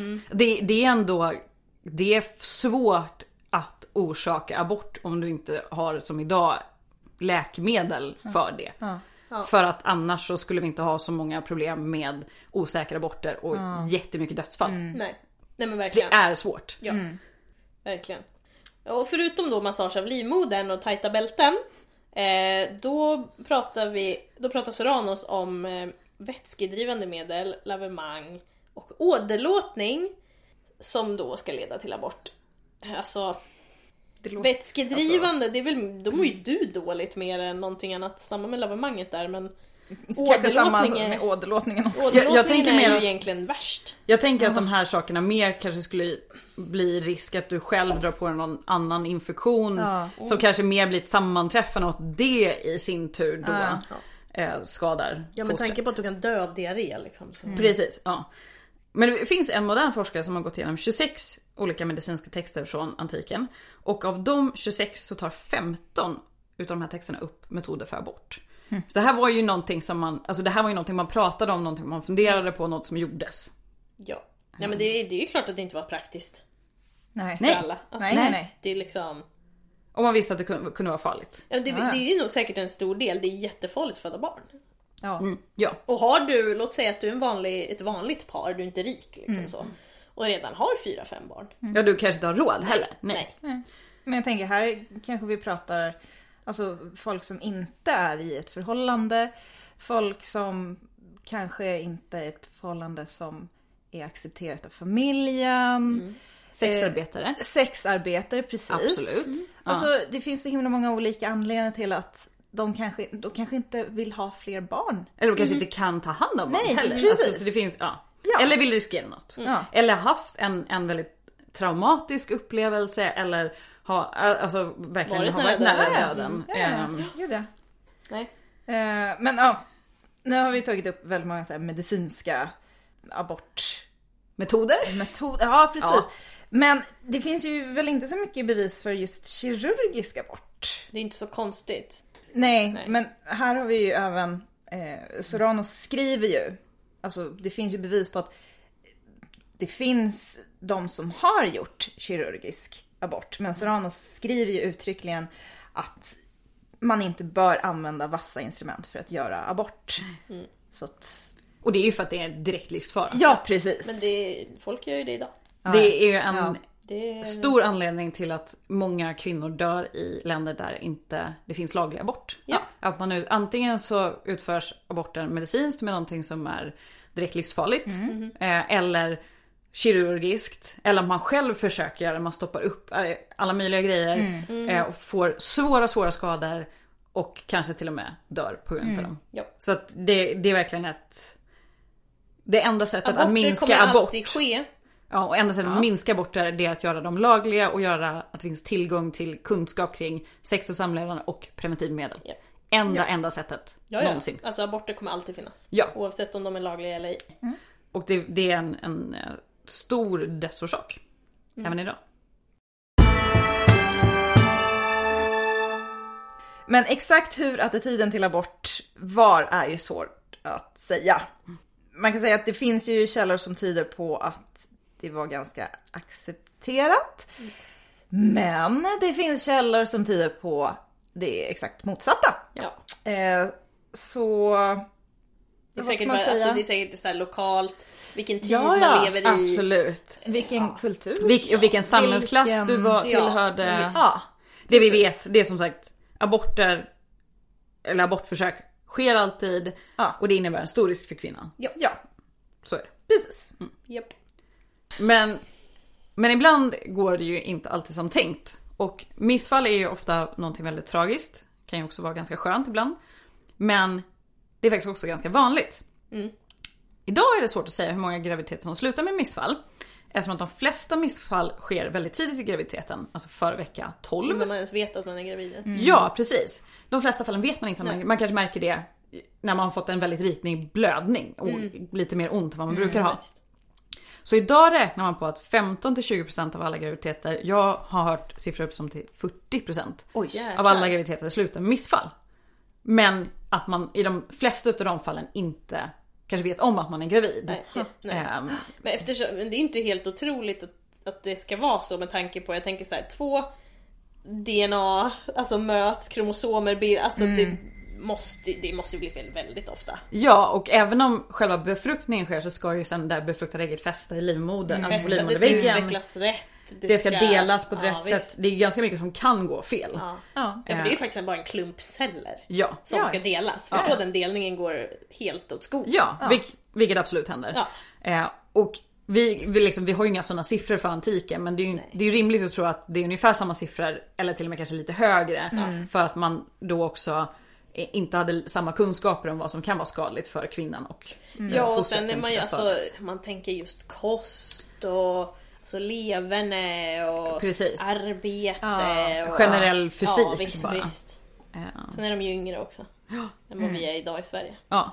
Men det, man vet att tillräckligt många missfall sker efter att kvinnan har uppfattat att hon är gravid så att man skriver om det här. Eh, Att det liksom finns tankar och, och också då eh, vad ska man säga, botemedel eller sätt för att försöka motverka det här. Så det man har liksom, konceptet finns ju.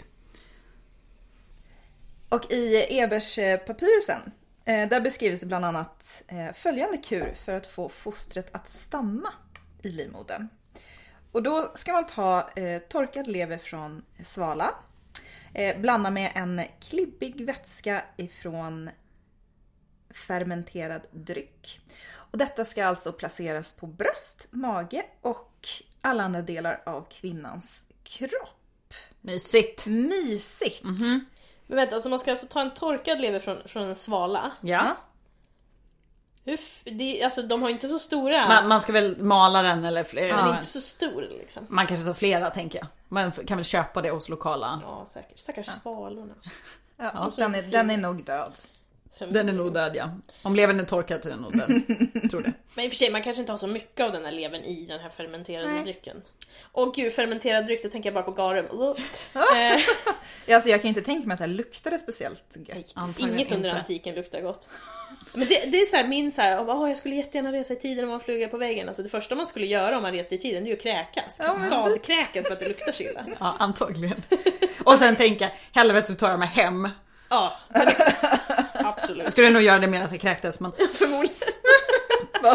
I wanna go home. Nej. Nej men det här, det här, det är klart att det inte funkar liksom. nej. Nej. Ehm, och och det, det är ju för att vi idag vet att de, i de flesta fall som vi sa, det är inte livskraftigt det här fostret. Någonting har ju gått snett Ja. i, i själva utvecklingen här.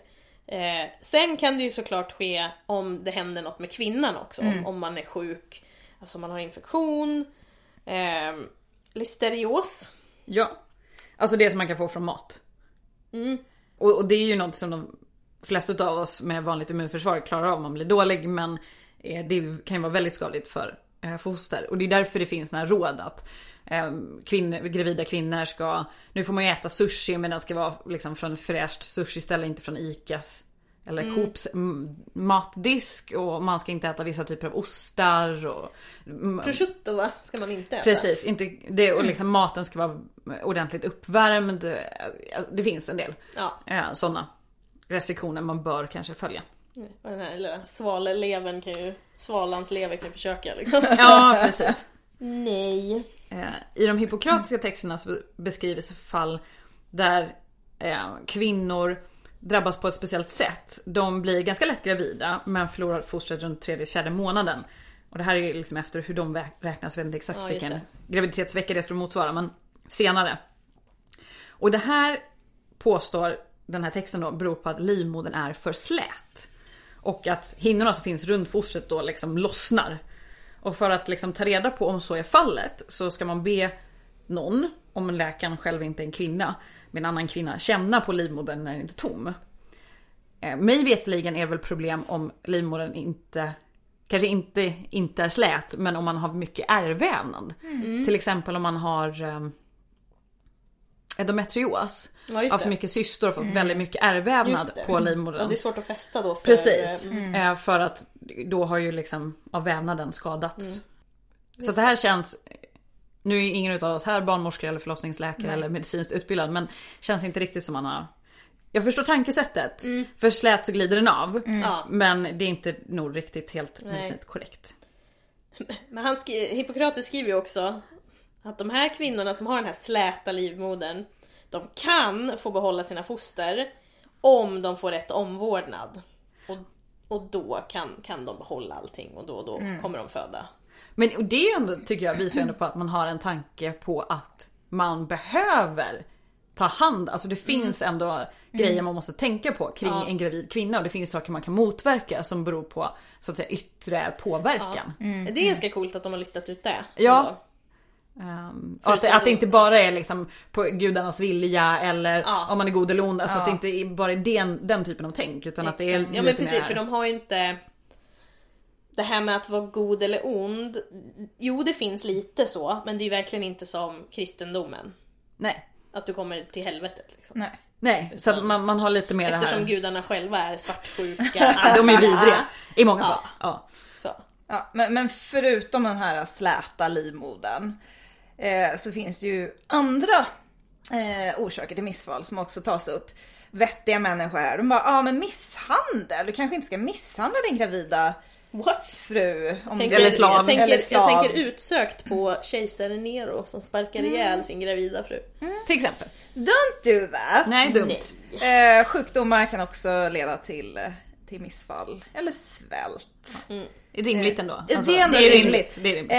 Eh, men så har vi också eh, kanske lite mindre rimliga eh, orsaker till missfall. Om hon blir skrämd, alltså hoppa inte upp bakom henne och skräm henne. Liksom bu! Oj, nu åkte, åkte den ut där.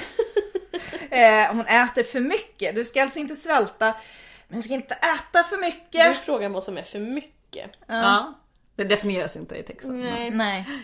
Hon ska heller inte hoppa, för då, ja, då Ja men då åker den här säden nu, eller då åker alltså här ut Ja. Ja. Då glider den av. Inte heller plötsligt skrika. Alltså plötsliga skrik och så här spontankvävning känns ju bara så här. var kommer det här ifrån? Ja, jag har ingen aning. det var stora problem under antiken. Tydligen, tydligen. Nej. Men sen om kvinnan gör någonting som går emot vad hon brukar göra. Till exempel om hon äter väldigt besk eller bitter mat som hon inte brukar äta. Då kan man också få missfall. Den är inte helt ute och cyklar dock kan jag tänka. Då tänker jag mer att det handlar om att maten var dålig och Ja. hon blev sjuk. Men här är ju förklaringen är ju att ett foster är väldigt känsligt för saker som den inte är van vid. Så händer någonting den inte är van vid, då bara dör det. och så är det ju inte. Nej nej nej. Alltså vi, vi vet ju så här kryddig mat, om, om inte kvinnan själv är väldigt illamående så kryddig mat går jättebra. Ja. Äter man väldigt mycket så här stark indisk mat så för det är större sannolikhet, under graviditeten är det större sannolikhet att barnet sen kommer tycka det är gott. Mm. Så att eh, det kan ju Ja. vara ja, knep. Tänk Ja. bara alltså, verkligen så här, mänsklighetens fortlevnad. Och nej, mamma skrek nej nu själv dör jag. Ja, känns inte riktigt Det eh, rimligt. nej, Nej nej nej. Det är ett under att vi har överlevt så här långt. eller Ja. hur? Ja. Eh, men vi har inte fått missfall nu. Nej, Har vi inte. Vilken tur. Ja. ja det är Du som ville ha barn Emily. Ja visst. det är 17 i graviditet här, nu jävlar. Nu, nu, nu här händer det. Nyser du så åker den ut. Just det, eller skriker jag så åker den ut också. Alltså jag tänkte nyser du så åker den Ja, ut. den bara, bara slides out of me. Ja. Ja. Mm. Förlåt. Men, men Emily, är det en pojke eller en flicka? Ja, precis. Nu går man ju runt, om man är gravid och så tänker man, Åh, vad kan det vara? Ja. Du vill ha en sån här gender reveal party, du vill sätta eld på någonting. Jag vill sätta eld på hela En blå eld eller en rosa eld?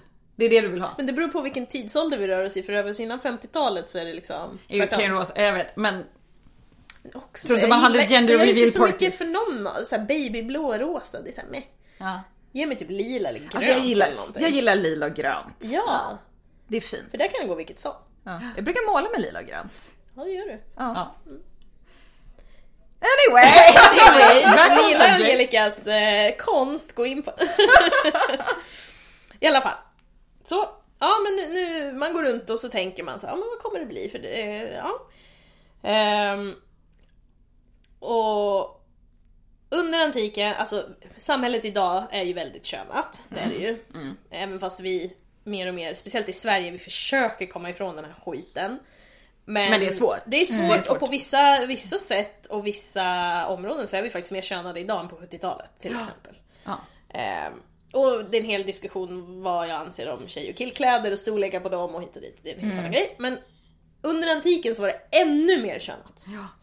Eh, där är det ju så att barnets fysiska kön, alltså så som den, det som den hade mellan benen, Ja. eh, det styrde vem, vad, hur de ska bli. Ja. Ja. Och också vad för föräldrarna kan förvänta Ja. sig av Ja. dem Ja, liksom. nej men precis. Det är liksom så här, är du en pojke, är du äldsta pojken, ja, då ska du ta över. Om du, om du är rik familj såklart, då är det en flicka. Då ska du gifta dig med någon strategisk. Och föda barn åt den personen. Liksom. Så. Alltså det, det finns ju exempel på eh, alltså, ja, kvinnliga faraoner exempelvis. Eh, och andra som gjorde mer eller mindre könsrollsöverskridande saker. Ja, ja, ja. Och så, så eh, kvinnliga läkare. Ja, bla. absolut.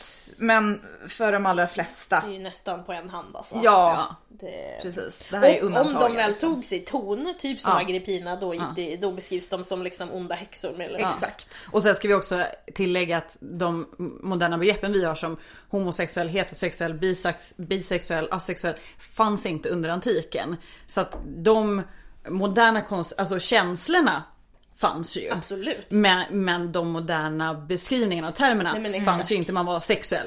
Så punkt liksom. Ja. Men, men däremot fanns det ju könsroller eh, på ett ibland extremt tydligt sätt. Mhm. Eh, däremot kanske de inte alltid vad vi förväntar oss men, men de fanns ju där. Eh, och det, det kommer påverka ditt liv. Ja, det är det. Eh, Vad du föds med mellan benen kommer påverka Ja ditt liv. oavsett, oavsett läggning, hur du känner, vem du Förmågor. känner dig som, ja, Ja. precis, förmågor, allt sånt ja. Ja. Absolut. Eh, men eh, om, vi, om vi bortser från alla de hemska könade samhällsnormerna eh, så vill vi ändå ta reda på, försöka ta reda på könet. Eh, och då kan man göra ett enkelt test. Och det här test, just det här testet kommer från Egypten. Eh, om man tar två små tygpåsar med lika mycket jord i. Och varav den ena också ska innehålla några frön från emmervete. Och den andra ska innehålla frö från korn. Och sen, då, då ska den här gravida kvinnan, hon ska kissa på, på de här påsarna varje, gång, varje dag. Liksom. Så varje gång hon ska gå och kissa, då ska hon kissa på de här påsarna. Och kommer vetet först, då blir det en pojke. Och om kornet kommer först så blir det en flicka. Och gror ingenting, då är du inte längre gravid. Eller var inte gravid alls. Inte gravid alls, nej. Ja. Det här är kanske inte så galet som det låter. Eh, självklart kan det inte visa om, om det kommer födas en person med en snippa eller en med en snopp. Nej. Det, det kan jag inte säga. Men det kan faktiskt påvisa graviditet. Det är faktiskt coolt. Ja, för när man blir gravid så utsöndras hormonet HCG. Och nu ska jag försöka säga hela, hela det långa här. Bear with me. Koriongonatropodin. Eller humant koriongonodototropatin. Ja. Får, vänta, Koriongonadot... tropin. Jag förstår varför Ja, man förkortar det här. Korean gonadotropin. Ja! Korean gonadotropin eller humant korean gonadotropin. Hur många humanister krävs det för att uttala ett hormonnamn? Tre! Nu vet vi det. Hur som helst, det här hormonet HCG, det får faktiskt fröna att gro lite snabbare än vad de kanske skulle göra i vanliga fall. Och det här är faktiskt samma protein som moderna graviditetstester, alltså pissa på en sticka, påvisar. Det är coolt. Ett litet fun fact, Ja. det är ju att ska man göra ett graviditetstest då ska man ju helst ta morgonurinet för det är högst ansamling utav Ja, det här. HCG. Ja. Eh, Och tar du det väldigt, väldigt tidigt så, så kan du få ett falskt negativt för att du inte fått så höga halter än. Men tar du det här testet väldigt, väldigt sent i graviditeten kan du ha så höga halter HCG-protein att det inte ger utslag. Ja. Det står att det är negativt fast du faktiskt är höggravid. Om du då inte har fattat att du är höggravid så beror det på andra orsaker men det finns ju faktiskt kvinnor som inte vet att de är gravida förrän de Föder. föder, barn. Ja. Och i vissa fall så har kvinnan tagit graviditetstest mot slutet av graviditeten och fått ett negativt resultat. Fast det är för att de är så gravida att det inte ger utslag. Nej precis, för annars säger man ju att eh, man får ju fler... Nej just det, nevermind. Man får fler falska negativa än vad man får falska positiva. Eller tvärtom. Min barnmorska sa att man inte kan få falska positiva. Ja. Men du kan få falska negativa. Falska va? negativa Det kan du få. Ja. Men inte falska positiva. Nej. Inte på, inte på de, de tester vi har godkända i Sverige idag. Det är ju jätte, jättebra. Ja. Gud vad bra. Eh, Däremot så kan du ju få ett positivt svar och sen kan du få ett missfall. Ja men såklart. eh, Till Absolut. exempel. Ja. Men, men, eh, men däremot kan du få falska negativa och som, mig, som jag har förstått det så är det ju ofta då för att du inte har haft tillräckligt höga halter utan det här Mm. hormonet i ditt urin. Antingen att du tagit sen på dagen eller att det är väldigt tidigt i graviditeten. Jag håller mig nog till mina små tygpåsar. Du håller i tygpåsarna. Ja. Ja. Men det är ju faktiskt inte bara Egypten man har idéer om det här med biologiskt kön och hur det kommer sig. Och vi har ju pratat om den här hippokratiska sperman, eller den hippokratiska idén om kvinnan och mannens sperma. Yes. Och Det här är ju väldigt spännande för den här sperman, den kommer ut från båda och så kommer in i livmodern och så blir det en sån här spermasoppa där inne. Och då ska vi, ska vi göra det här ännu lite mer kanske komplicerat. Men både mannen och kvinnan har manligt och kvinnligt sperma i sig. Det har man ju alltså listat ut. I och för sig det är väl inte så svårt att lista ut att det finns två Alltså Två snopp komponenter. eller snippa liksom. Ja precis, två komponenter. Och Men, men både mannen har kvinnligt och manligt och, både, och kvinnan har man, manligt och kvinnligt i sig. Och om båda partnerna då ejakulerar stark sperma så blir det Såklart. en pojke, för det, det starka är ju såklart en, en Of man. course. Of course. Eh, men om båda då ejakulerar så att säga svag sperma så blir det en flicka. Men kommer ena sorten från ena parten och andra sorten från andra parten, då är det den som dominerar i mängd som avgör könet. Ehm, och nu vill jag bara säga det här. Genom historien så har ju kvinnor fått ta skit för Japp. att de inte kan föda söner. Japp. Och nu säger vi det en gång för alla så alla vet det här. Varje människa har eh, två könskromosomer, om det inte är någon avvikelse. Men man har, nu generaliserar vi, man har två könskromosomer. X och Y finns det att välja på. Är man då biologiskt, det biologiska könet kvinna så har man XX. Är man biologiska könet man så har man XY. En kvinnas ägg har alltid en X-kromosom. Det är spermien som avgör om det blir en till X eller en till Y. Det är alltså inte kvinnan som inte kan föda söner. Nope. Det är sperman. Japp. Så nu ska vi rentvå alla stackars jävla men- kvinnor genom men historien som precis, har skit men för det precis här. som med allt så är det alltid kvinnans fel. Ja. Alltid. Och det, det är det inte, det kan ju helt... Sen är det ju så här, det är en 50-50 chans. Eh, Ja. Det är väldigt mycket sperma som kommer ut varje gång. Men är det inte så att vissa har mer anlag för vissa? Vissa Det- män. det- jag tror att ja. vissa män har fler typ i spermier eller X och så. Ja, men och, och sen så är det ju också så här lite lyckträff. Ja. Om du får den är inte så två barn. sperman liksom. Nej, om du får två barn. Ja, alltså, ja. Gud. Så att, men, men det är alltså ägget har X-kromosomen och det är spermien som har den andra. Eh, så att nu vet vi det. Men eh, också bara för att überförtydliga, det finns så många olika avvikelser på det här. Eller inte ens avvikelser, Nej. variationer på det här. Eh, Det finns vissa proteiner som oftast sitter på Y-kromosomen som kan sätta sig på X och falla bort från Y. Vilket gör att du kanske på utsidan har en snopp men eh, kromosomerna säger att du inte är en man. Och, Ja, det alltså finns- själva- Så att alla, alla som säger att det finns två kön, no. Nej, det finns Ja. de här könshomokromerna och det här den här processen i början lägger vad man kan säga någon typ av grundsten. Exakt, Men exakt. sen är själva processen hur fostret utvecklas extremt avancerad. Mm. Ja. Eh, och det här forskar man ju på idag, man vet inte allt men man vet att till exempel att eh, det som styr de cellerna som ska bilda könsorganen det, det händer i en del av fostrets utveckling och det som styr motsvarande funktion i hjärnan, Mhm. alltså man tänder på, på män eller kvinnor, det styrs i i en annan del utav utvecklingen. Så att de här är liksom lite frikopplade, eller inte frikopplade, men de sker i olika faser. Mm. Ja. Så det här är en extremt avancerad process. Men precis, och som sagt att, eh, att eh, även fast det ser ut så på utsidan så behöver det inte alls vara så på insidan. Nej. Och man kanske inte ens vet om det. Nej, Så att hela den här debatten kan vi, det är inte ens värt att, eh, tänker inte ens. Så om någon tror att det finns två kön, nej, läs på. Det finns Ja. tre. Så, Så, nu har jag sagt det. bra! får rant Krossar over. vi könsstereotyperna rakt upp och ner här. Ga. Ja. Om någon känner för att argumentera, gör inte det. Inte med oss i alla fall.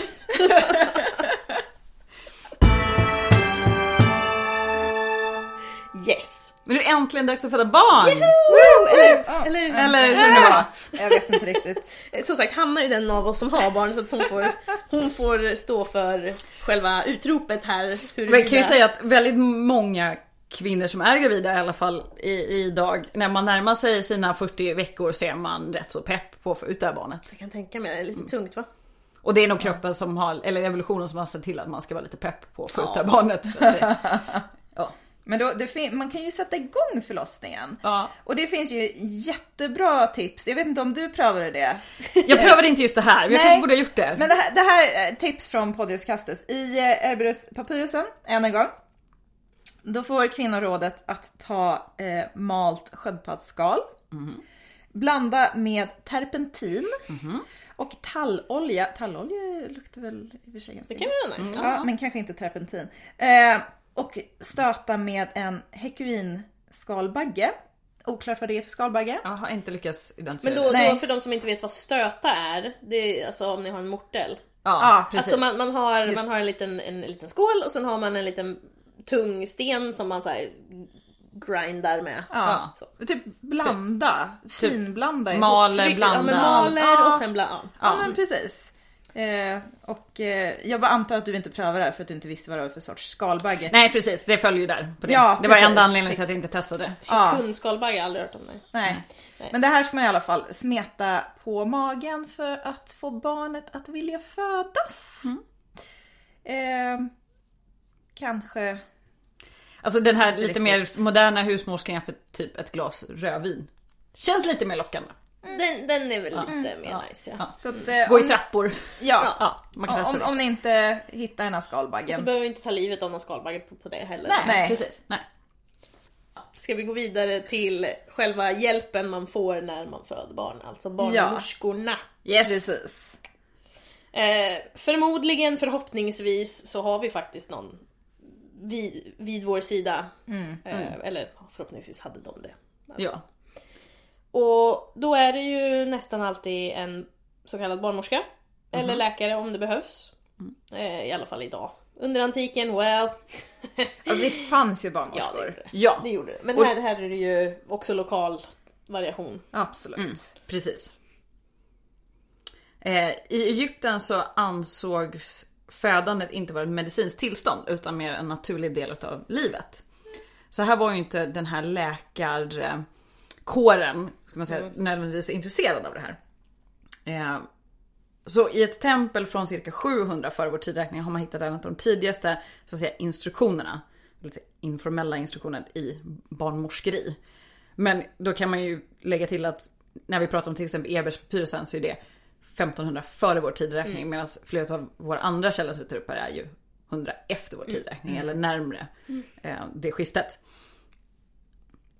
Men däremot så hade man ju då en, en hel förhoppningsvis uppsköt av andra personer runt omkring sig. Det här var ju då en, en kvinnosak så det var kvinnor i ens närhet, alltså från byn, eh, kanske kvinnliga släktingar som var med när du skulle föda barn. Det är spännande. Undrar, undrar hur det var då i Egypten att föda barn om de så här hade den inställningen till det. Och det, alltså nu tänker jag i Egypten så rör vi oss en väldigt lång tid. Ja, flera tusen år. Alltså, det, det kom ju även läkare och, Ja. och barnmorskor där men, men man har den lite så här, gemensamma kvinno... Ja. Sen kan jag tänka mig att det fanns säkert någon kvinna i byn som hade varit med om fler förlossningar så det var henne man, Ja. alltså en, mer en informell barnmorska. Man visste att det var henne man skulle gå till när det Ja. väl var dags. Och de hade ju säkert minst lika god kunskap. Ja, bara det att det kanske inte var titulerat på samma Ja. sätt. Men visst. Men om, om vi pratar barnmorskor då. Och Soranos. Eh, så säger ju han att eh, eh, den ultimata barnmorskan. Eh, hon var läskunnig. Hon hade huvudet på skaft. Alltså hon, she knew her shit. Hon hade bra minne, älskade att jobba. Eh, hon var respektabel, i god fysisk form. Robust. Eh, och eh, enligt vissa då, så var det bra om hon hade långa smala fingrar med korta naglar. Vilket jag kan förstå. Kan också förstå. Rimligt. Just korta naglar är ju bra för, för mer än en alltså, så här, fysisk, liksom hon ska inte riva barnet utan alltså så här, om vi pratar eh, Hygien ja. Ja, hygien. absolut. Precis. Smala fingrar kan också vara bra. För undersökning. Ja, men det är intressant då, hur ska den här, hon ska vara i god fysisk form, hon ska vara jävligt robust men hon ska ha smala fingrar. Ja, men hon kan, hon, kan vara, hon kan vara naturligt smal men väldigt vältränad. That is true. Ja, det är sant. Tycker det var. Ja. Och förutom det så ska hon även vara beläst eh, inom andra kvinnosjukdomar. Och skicklig inom generell medicin. Så här har vi ju liksom en, en barnmorska. Ja. I would trust this woman. Ja. Det som är intressant så läste jag en artikel eh, om ett gäng antiken forskare som hävdar, eller liksom påpekar en, en debattartikel att antika barnmorskor bör kallas för sina rätta namn, alltså obstetriker, alltså förlossningsläkare. För i Sverige så är ju våra barnmorskor medicinskt utbildade. Fyra och ett halvt eller fem år, det är jag lite osäker på. Men det är lång utbildning för att bli barnmorska. Eh, och förlossningsläkare men också en eh, specialiserad läkare. Men till exempel i USA så kan man ju vara barnmorska utan att ha medicinsk utbildning. Typ midwife. Ja precis, midwife kan ju vara både en person som faktiskt har medicinsk utbildning men om jag, det, Men om hon inte har en medicinsk utbildning då är det lite mer såhär doula. Ja fast hon kan fortfarande kalla sig barnmorska. För att jag tror inte att det, det är skyddat och det beror väl på var i USA man befinner sig. Men inte på alltså, svenska barnmorska får du inte kalla dig om du inte är Nej, nej, precis, nej. Men just midwife, alltså just den här coach, alltså om du är en coachande, man ska säga midwife, antar jag det blir lite mer. Det blir mer åt doula-hållet i Sverige då. I, I Sverige precis skulle det vara en doula. Ja. Men, men i USA kan ju... midwife Ja precis. Eh, så det är lite intressant att se att man har tagit upp det här att, att eh, man, de tycker, hävdar att man bör inte kalla de antika eh, kvinnorna för barnmorskor utan för obstetriker. I Sverige funkar Ja det engelska precis. Eh, men i Sverige funkar det för att våra barnmorskor har ju faktiskt en ganska lång medicinsk utbildning. Ja, men det är, Och är ju väldigt, helt väldigt kunnig. fair enough alltså. Fair enough, Speciellt med absolut. den här beskrivningen. Ja. Ja, absolut. Men hon ska ju inte bara vara det, hon skulle ju ha lite mer eh, Ja, ja, ja. egenskaper. ja. Hon måste ju vara uppmärksam, skicklig på att hålla lugnet. Bra att hon inte så här springer omkring och skriker medan kvinnan eh, Det är bra. föder. Ja. Ehm, så hon måste liksom vara ett eh, emotionellt och psykologiskt stöd. Till Ja, det låter ju verkligen som en barnmorska. Det låter verkligen som, Men det absolut. låter stabilt. Det, det är ju en sån person jag vill ha med på min förlossning Ja. kan jag ju säga. Men hon måste vara diskret också. Mhm. Varför? Varför? Jo, för att eh, ni, ni vet eh, vissa familjehemligheter kan ju komma fram när ett barn kommer ut. Ja. Eh, vi pratar hårfärg, hudfärg, eh, you know. Saker man berättar när man har ont. I, Ja. ja men precis. Och det, Eh, det kan ju vara bra också om eh, barnmorskan nu är immun mot mutor. Ja, Mm, det är bra. det är ju bra för då kan man inte hitta på något heller. Och inte super för mycket. Nej, nej, Nej, det, nej. det är bra att vara hyfsat nykter åtminstone. Ja. Tänker jag. Ja. Det, det är att föredra skulle jag Ja. säga. Ja. Inte, inte så här att hon eh, smetar in dig med den här eh, skalbaggsröran och tar ett glas rödvin. Och går och lägger sig sen. Tjena, ses sen. Hör av dig när det är dags. Du klarar det va? Vad bra. Ja. Men det fanns, eh, enligt Sorano så finns det tre kategorier av barnmorskor. Det finns de som bara har praktisk kunskap. Sen har vi de som har praktisk kunskap och teoretisk kunskap. Eh, och då kunskap i, inom gynekologi. Eh, och sen har vi de som har ännu högre utbildning. Och de har också tränat och de har vissa förmågor och de, de är lika skickliga som manliga läkare. För att manliga läkare är ju då standard och det man mäter mot. Men det här låter lite som typ en barnmorska och en förlossningsläkare. Ja men faktiskt. Alltså det, det eh, antingen håller du bara på med, med förlossningar, Mhm. graviditeter eller så har du en, en allmän läkarutbildning i bak, Ja, bakom dig. Liksom. Eh, men, men om man läser den här beskrivningen så är det, ju- ska de ju kunna väldigt, väldigt mycket. Ja. Alltså det är ju, det är ju liksom inte bara byns kloka kvinna. Nej. Utan det är ju verkligen en yrkeskår. Ja. I Rom kallas de för obstetikes. En grekisk term, det fanns flera för barnmorskor men en av dem är omfalotomos, alltså den som skär av navelsträngen. Omfalos är väl Navel. navel? Ja, Precis, ja, ja, ja. det är det.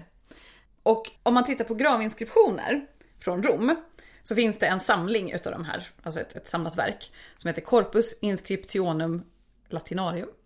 Latinarum. Latinarum, förlåt. Eh, och i den här samlingen, alltså det är ju inte, det är alla möjliga gravinskriptioner, eh, så nämns 16 kvinnor som barnmorskor och bara en utav dem var slav och flera utav de här var gifta. Det är jätteintressant. Ja. att Ja. de är gifta. Men det- som är så spännande med det här, det är att då har vissa forskare tolkat det här som att de flesta barnmorskor var fria kvinnor.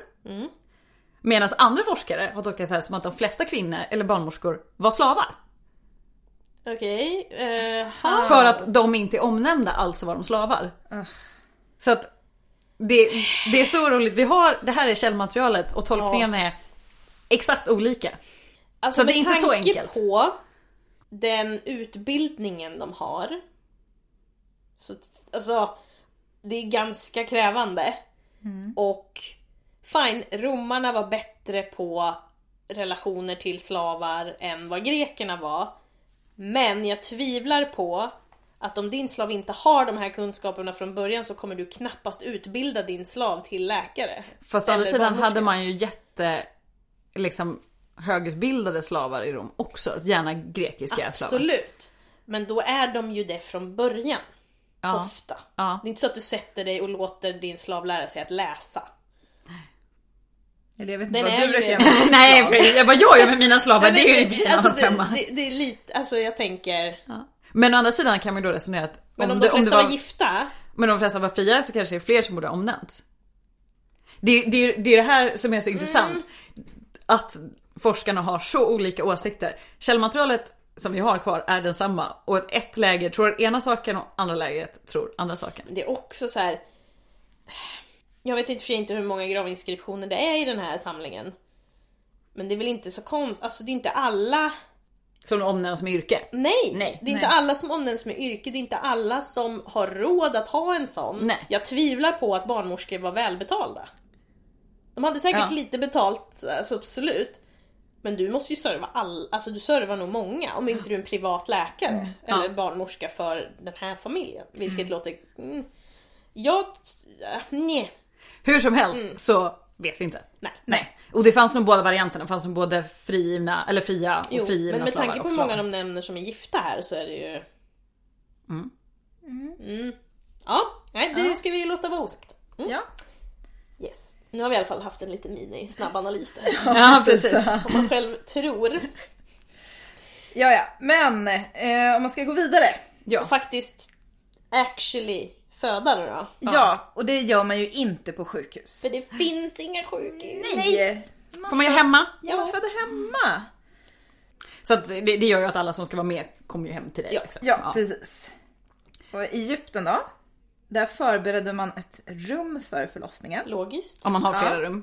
Om man har flera rum ja. Om man har flera ja. rum. Men nu har vi flera rum. Mm. Eh, och i det här rummet så stannade sedan kvinnan efter förlossningen. Fan vad deppigt. Ja, Eller, för sig, Eller skönt. hur länge hon får stanna där inne. Vi kommer till det men Ja. det... det kommer till det. Ja. Jag tänker bara på så här, finns det, hoppas det finns fönster. ja jo det, ja, det förtäljer inte historien. Nej. men Nej. Antagligen. Men i den grekisk-romerska världen då? Då skulle ju eh, de här förberedelserna som barnmorskorna är tvungna att göra. Eh, det, det innehöll bland annat eh, att de skulle förbereda olja för injek- injektion och smörjning. Varmt vatten, eh, svampar, alltså naturliga svampar, ull och lindor för den nyfödda bebisen. also, logiskt. Ja! Så de har, de har väl antagligen då både med viss material kanske Ja. men också att det finns redan förberett i hemmen. ja. Och så ställer man i ordning. Ja, jag tror speciellt så här ull och lindor och sånt är något, alltså det, det, det förbereder man säkert själv. Ja precis. Sen kan jag tänka mig att vissa Jag har ju oljor och grejer hemma. Så Ja. Men olja för injektion, alltså upp. Jag undrar vart du ska injicera det där någonstans. Ja det ska väl Sen precis. glida ut. Ja men jag tror det! Ja. Ja. Det, det används ju, mandelolja används ju idag. Eh, av, på, av många barnmorskor vid förlossningar. För att minska risken för sprickning. Det, det, mig veterligen finns det ingenting som Alltså forskning som visar att det faktiskt ger resultat. Det är ett sån här liksom beprövat knep som man kör. För att det är upp, mjuk, vad heter det, tänka- mjukgörande. Ja men for sure. Ja. Nej, det är bara spruta Alltså upp det gör det. ingen skada i alla fall. Det gör ingen skada. Om man inte är Beroende allergisk. på vilken sorts olja man eh, väljer. Frityrolja. Kanske man inte ska Inte ha. Men varm frityr. man tänker kanske inte på verkan så mycket då i alla fall. Nej, Nej. men då blir det nog svårt att föda den ungen sen. Ja. Lite... Anyway. Ja, eh, Använd inte frityrolja. Nej, barnmorskan har kommit hem till oss. Eh, Vi ska föda våra barn här så får vi se om vi överlever eller inte. Mhm. Men då kan man ju hamna i en lite lättare eller svårare sits. Eh, Man kan ju hamna i den som Agrippina, som den yngre hamnade i. Att man ska föda i säte. Det är alltså att barnet ligger i sätesbjudning eller säte och det är med rumpan eller fötterna först. Det här är ju inte att rekommendera om man kan undvika. Eh, idag brukar man försöka göra vändningsförsök. Alltså utifrån få barnet att snurra på sig. Det kanske inte går, eller mamman kanske inte vill. Det är inte jättebehagligt har jag förstått det som. Nej, Eh, och då, framförallt om det är en förstföderska, för, förlöser man gärna med kejsarsnitt.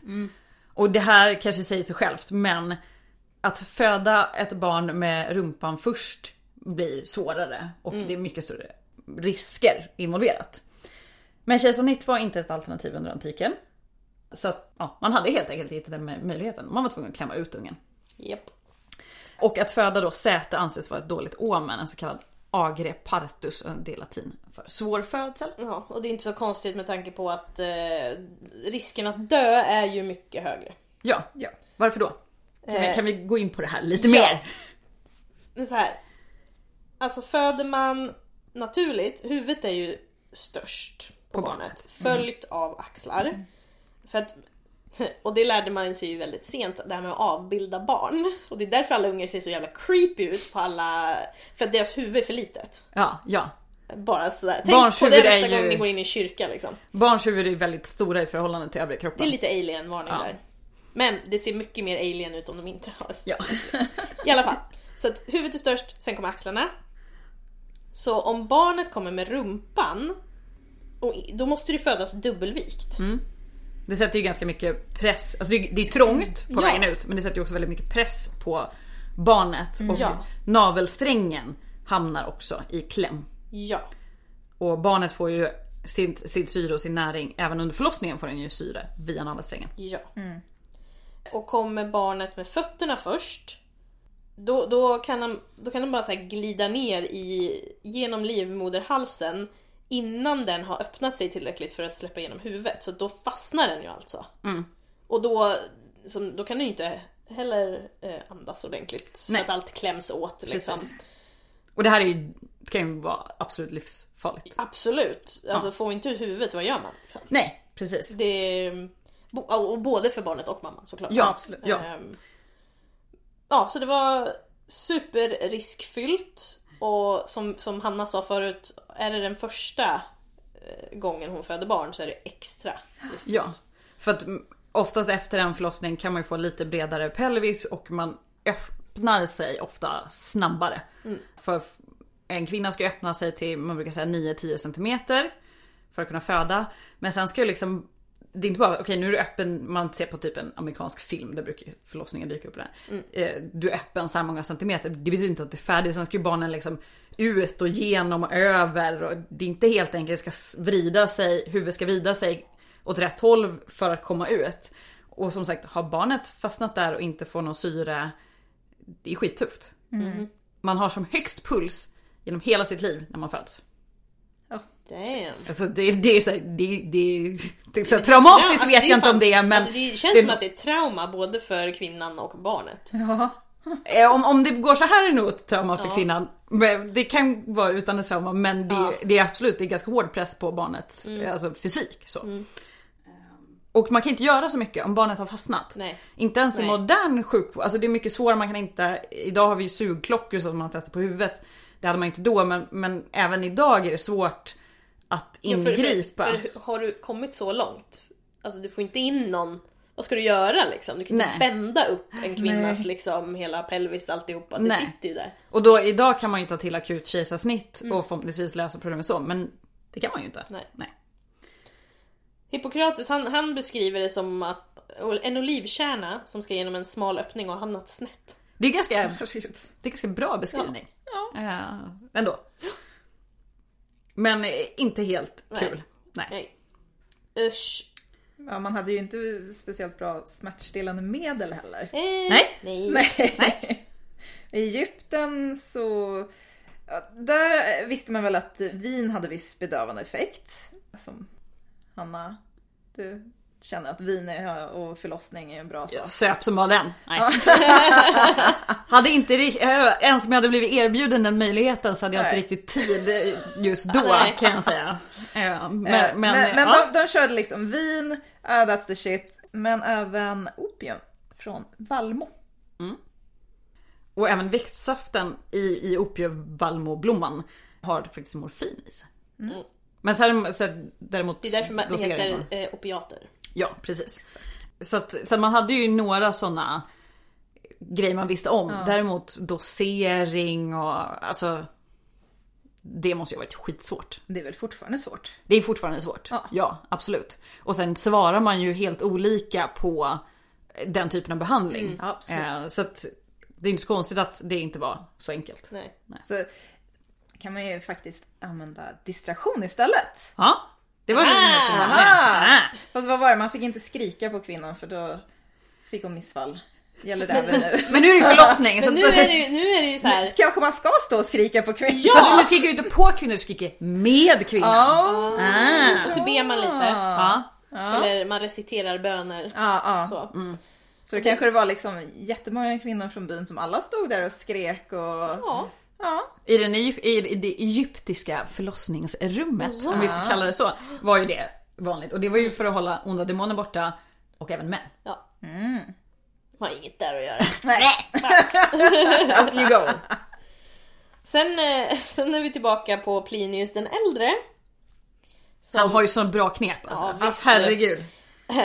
Han säger att man ska strö torkad kodynga, men den måste vara mald först, of course. ja. Of course. Vem Eh, vet inte det liksom? På en drink för att ta bort förlossningssmärtor. Mm. Kör på, säger jag. Men sen, sen finns ju såklart eh, läkeväxter och lite sådana saker man kunde använda också.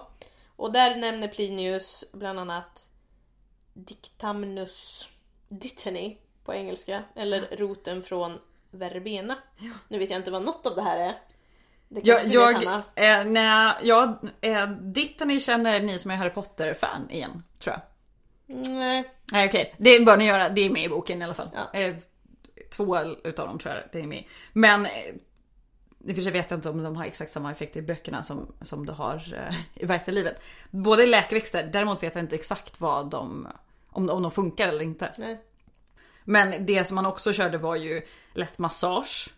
Lindor doppade i varm olja som man placerar på magen eller mellan benen. Men där har vi oljan igen, det här med att smörja och liksom. Eh, Man hade blåsor som man fyllde med varmt vatten för att lindra smärtan. Och det funkar ju. Ja, ja. Det är ju ett råd man kan ge till kvinnor idag. Ta en varmt bad, en varm dusch, vetekuddar. Det funkar ju faktiskt. Eh, både liksom upp mot eh, slidan när man föder. Eh, men också under latensfasen, alltså verkfasen på magen. Alltså det är ju, för många är det ju som en så här, pissjobbig menssmärta. Eh, och mer- värme hjälper ju mot det. Eh, Så att de grejerna måste ändå ha funkat ganska bra.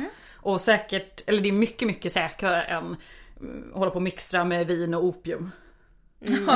Eller eller Ja, andra för, alltså risken typer är så här, av... även om vin dövar lite, blir du för full då kommer du inte kunna genomföra förlossningen. Nej.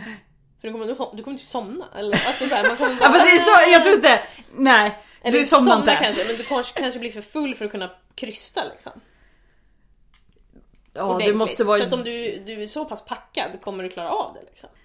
Fast jag vet inte, man... Eller adrenalinet kanske pumpar så att du inte blir så full. Ja, det, är så här, det, det är väldigt svårt att inte krysta när krystverkarna kommer igång. Om, de skulle, om de säger åt dig krysta inte så äh, det är typ omöjligt. Det bara sker. Coolt. Kroppen, när, Kroppen då har du ju såhär, krystverkar har man i ungefär, ungefär 20 minuter upp till en timme. Sen kan man hålla på och föda i liksom 48 timmar. Men det är typ max en timme man krystar ut barnet. Men när de verkarna väl kommer igång, det, jobbar no stopping själv, it. liksom. Ja. Eh, Man gör ganska mycket själv men det, är liksom, det finns ju inget sätt knip. Vadå håll igen? Nej. Men det, är ju- det läste jag om, eh, på tal om att eh, man inte förstår kvinnokroppar eller hur eh, vissa kvinnogrejer går till. Så läste jag en eh, artikel om eh, i USA. Där de hade en online-lektion. Hon gick väl på högstadiet eller något och så sk- skrev hon privat i chatten så här, jag behöver gå på toa till sin lärare. Han svarade inte. Skrev igen, han svarade inte. Och skrev hon, jag har fått mens, jag måste gå på toa. Han vadå, det där får du ju dålig planering, där får du hålla igen. Men gud! Eh, ja. Ja. Så bara, mm. Jag har också- Det här med att knipa igen liksom. Ja. Jag har också hört berättelser om kvinnor som där förlossningen har gått igång alltså i, i, i mo- modern tid och man är inte på sjukhuset så man ringer efter en ambulans. Ja. Sjukvårdarna kommer, det är inte varje dag tror jag en, en ambulanssjuksyrra förlöser ett barn till, liksom, till höger och vänster. Nej. Och det är ju kanske inte helt orimligt att de typ kan du hålla igen eller försöka att inte, alltså för att det bara kommer. Ja. För att man vill ta sig till sjukhuset, man vill ta sig till den personalen som är utbildad Ja, för men just precis. det här. Mm. Det är ändå ganska rimligt att man uttrycker sig så. Ja. Och det är alla kvinnor som har fått höra det har varit såhär, nej det, det fanns inte på kartan. Det var liksom inte ett alternativ i det läget. Så att, ja, jag vet inte, jag tror att även med mycket vin så tror jag att Ja, när du, när du, däremot innan kan det säkert Ja. eh, ha viss effekt. Men när du väl har kommit till just förlo- alltså, Själva krystverkarna då, nej, då bara mm, sker det. Men då kommer vi till något som jag tycker är väldigt spännande. Om man inte är väldigt intresserad av det här med att kvinnor som föder barn. Då kanske man inte hänger så mycket i förlossningsrummen, man kanske inte tittar på så mycket förlossningsvideor på YouTube. Fullt förståeligt. Och då kanske man har typ sett en förlossning på en film. Amerikansk film. Det dyker ju upp till höger och vänster. Det är några skrik och så kommer en unge. Ungefär. Och så ligger hon där. Och så ligger de där oftast i typ en gynstol. Ja. Med benen upp i sin lilla sjukhusrock så här. Och det här gjorde man ju inte, man låg ju inte i någon gynstol med benen upp under antiken. Utan man stod mer upprätt. Och i Egypten så var det vanligt med två olika ställningar när man föder. Och antingen i början så låg man lite så här tillbakalutad i den här latensfasen. Men sen när det väl kommer till krystandet och ungen ska ut. Då står man på huk med fötterna på två stycken speciella födslotegelstenar. Det är ju inte så konstigt. Nej, ungen ska ju ner. Man vill Ja. inte föda uppåt, man vill föda neråt. Ja. Ja, Ja, det är jätterimligt. logiskt. Jättelogiskt. Ja, eller så sätter man på en förlossningspall. Ja. Vilket är typ en stol med ett hål i. Ja. Som, så att du återigen kan föda neråt. Mhm. Och de här tegelstenarna som man hade, det här var väldigt, väldigt vanligt. Eh, De var så här, ofta dekorerade med olika liksom, gudar och gudinnor och, Mm. och så. Eh, Och uttrycket två tegelstenar blev synonymt med att föda barn. Jaha. Är Och man har hittat många sådana här, liksom rent arkeologiskt, har man hittat de här två tegelstenarna. Och de här gick i arv också. Så coolt. Det är jättecoolt. Oh. Förlossningsstolen var ju antagligen mer för den överklassen, alltså man var rik. Och även i den romerska världen så var kvinnan i en sittande position. Troligen så ersatte förlossningsstolen att man satte knät på barnmorskan eller någon annan. Och att den personen fick agera förlossningsstol. Ja. För det- Men där kan man ju få mer support. De kan ju hålla upp, alltså hålla i ben eller hålla upp och ja. Precis. Och ofta man ser på reliefer som vi pratade om i början så ser man just en kvinna på den här förlossningsstolen eller pallen. Och då har hon personer runt omkring sig. En bakom som stöttar ryggen och kanske en eller två på sidan. Och på vissa utav de här, eller på en specifikt, en relief från Ostia kan man se en kvinna som sitter på en sån här förlossningsstol. Och den verkar ha handtag på sidan för att hon ska kunna hålla i och verkligen Men ta gud, vad i. smart! Skitsmart! ja, verkligen. Och förlossningspallar använder man i vården idag. Det är jävligt coolt ändå. Och de, nu är de lite andra material än vad man hade då. Ja. Men principen är samma. Och det är litet fun fact att när förlossningsvården blev mer utav en manlig sak, och styrdes som manliga läkare. Då försvann det här användandet av förlossningsstolar och, och pallar och eh, pilatesbollar eller motsvarande saccosäckar. Och man födde på rygg. Of course, varför ska man göra det enklare för kvinnan Ja. som faktiskt ska föda när mannen kan stå och titta liksom? Och det är ju det är klart att i en sån gynstol så har man ju ett bättre liksom, Men det känns som att allting läkare. sträcks ut och spänns åt istället. Att det är större chans att spricka om du sitter sådär. Ja man rekommenderar ju inte det i Sverige idag, att föda på rygg. Nej. Det är ju under omständigheter där du har så ont som kvinna att du kanske inte kan flytta ur den positionen ja. eller din barnmorska eller förlossningsläkare måste ha den översikten, det är någon komplikation. Annars så rekommenderar man ju föda neråt. Men jag, gud vart läste jag det eller såg om det? Att det var typ så här. L- Ludvig den någonting någonting i, i Frankrike som ville titta. Och på den vägen är det typ. Men gud. Då, då måste de ligga på rygg så han kunde få se. Jag vet inte, jag, alltså jag bara så här. Men det är såklart att det är en mans idé liksom. Alltså man har ju bättre översikt som, som den Ja, Läkaren ur, ur ett så studieperspektiv av kvinnans kropp absolut. Men... Ja men och, och om du behöver en åtgärd Ja. men i de flesta, alltså de flesta förlossningar går ju bra. Ja. Och då är det ju mycket mycket enklare att eh, Jag använda. undrar hur det liksom. påverkar eh, själva födsloresultaten. Om det gör det. Du tänker jag med tänker att- överlevnadsgraden ja, eller? för delvis då om det är enklare, eftersom det är enklare att stå på, sitta på huk eller sitta på en sån stol. Eh, om du då ligger på rygg, betyder det att du som läkare måste hjälpa till mer. Och om du då måste hjälpa till mer så har du inte tvättat händerna och så vidare och så vidare. Eh, är lika med dö i barnsäng oftare, maybe. Jag vet Kanske, inte. Jag, kanske. jag kanske bara sitter och tittar på. Men om du nu måste assistera mer Mm. i födandet med skitiga fingrar. Eftersom vi inte vet vad Kanske. bakterier är. Nej, nej. Ehm, Jag, jag tänker att det framförallt blir mycket jobbigare för, för Men kvinnan. såklart. Ja. Gud ja. Att, att, Du har ju ingen styrka där liksom och bara ra, alltså. nej, ja. Ja. Men, men okej, oavsett Ja. vilken position man föder i så finns ju alltid risken för en svår förlossning. ja. Och Plinius den äldre, alltså än en gång så har vi en man som har riktiga, riktigt bra eh, idéer. Och eh, behövde man då skynda på en svår förlossning kunde man alltid enligt honom eh, ta fettet från en hyenas ländstycke eh, och eh, tillföra det till en eh, rökelse eller gör, göra någon rökelse av det och eh, det här skulle göra att barnet föddes Hur vanligt var det med hyenor liksom?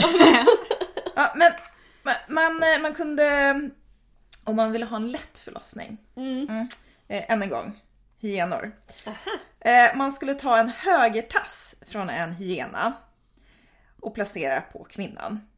Men tar man fel tass, tar man den vänstra tassen, så skulle kvinnan komma att dö. Det är också så här, det gäller att hålla koll då. På höger och vänster ja, du måste verkligen ha koll på den. Men Celsius han tycker att har man en svår förlossning då kan man hjälpa att nysa. Alltså det, det är för sig, när man nyser så klämmer man ju åt magmusklerna men man kan också hjälpa till genom att bröla. Ja. Etchi. Speciellt de som nyser så. Eller så kan man ta en hyenas högertass Här kommer jag med en högertass, jag lägger den på din mage. Så är det en hyentass? I mean, Beror på hur mycket du ingen som betalar. vet hur en hyena ser ut. så att... Eh. Men, ja, tillbaka till Soranos då. Han diskuterar eh, två tillstånd som kan påverka förlossningen och göra den svår. Och den ena det är trångt pelvis. True, alltså Verkligen. sant Ja. liksom. Det är inte så konstigt där. Och det är ofta om du är väldigt ung. Precis. Så. Alltså att du inte riktigt är färdigutvecklad. Ja. Och Jag tänker ju så här, som sagt, en del får ju barn när de är 14. Där. Precis. Ja. Eh, men sen tar han upp övervikt hos mamman också. Att det är en faktor. Eh, Men han tar även upp att attityden hos kvinnan som ska föda kan vara avgörande. Oerfarna först- föderskor, alltså förstföderskor, har ofta svårare än de som föder sitt andra eller fjärde barn. Men vad kul att man säger, det är din attityd, Ja okej? precis. Ja. Jag, Om jag du ville hoppas så att, skulle du nog kunna föda Ja. enklare, okej? jag hoppas att han mer tar upp eh, rädslan Och det vet man ju idag, en det, förlossningsrädsla Ja. gör det ju svårare för att Ja. man spänner sig. Ja. Och det känns motsägelsefullt men man ska ju slappna av. Ja. Det är ju ont, väldigt ont ibland. Mm. Och man ska slappna av. Men är man då väldigt rädd, vilket antagligen måste ha varit fallet om du är jätteung. Ja, ja, du har hört om folk i din närhet som har dött eller haft jättesvåra, alltså så här, det Mm. finns ingen smärtlindring. Det är väl klart att folk spände sig så in i helvete Ja, ibland. gud. Nej, verkligen. Eh, så de sa ju en del hjälpmedel som han beskriver som man kunde använda om man var barnmorska eller läkare. Till exempel en vaginal spekulum, eh, alltså som hjälper till att vidga öppningen. Men den kan man också, det är inte bara vid förlossningen, det kan man om man ska diagnostisera andra sjukdomar. Eller andra undersökningar. Sen kunde man använda trubbiga och vassa krokar. Och det är väl för att få ut barnet, en väldigt svår förlossning. Och den här typen av instrument har man ju hittat, bland annat i Pompeji. En del utav dem ser ju, de är inte helt olika mer moderna verktyg men de ser, de moderna ser mindre gruesome ut. Men vi nämnde ju kejsarsnitt eh, för en liten stund sedan.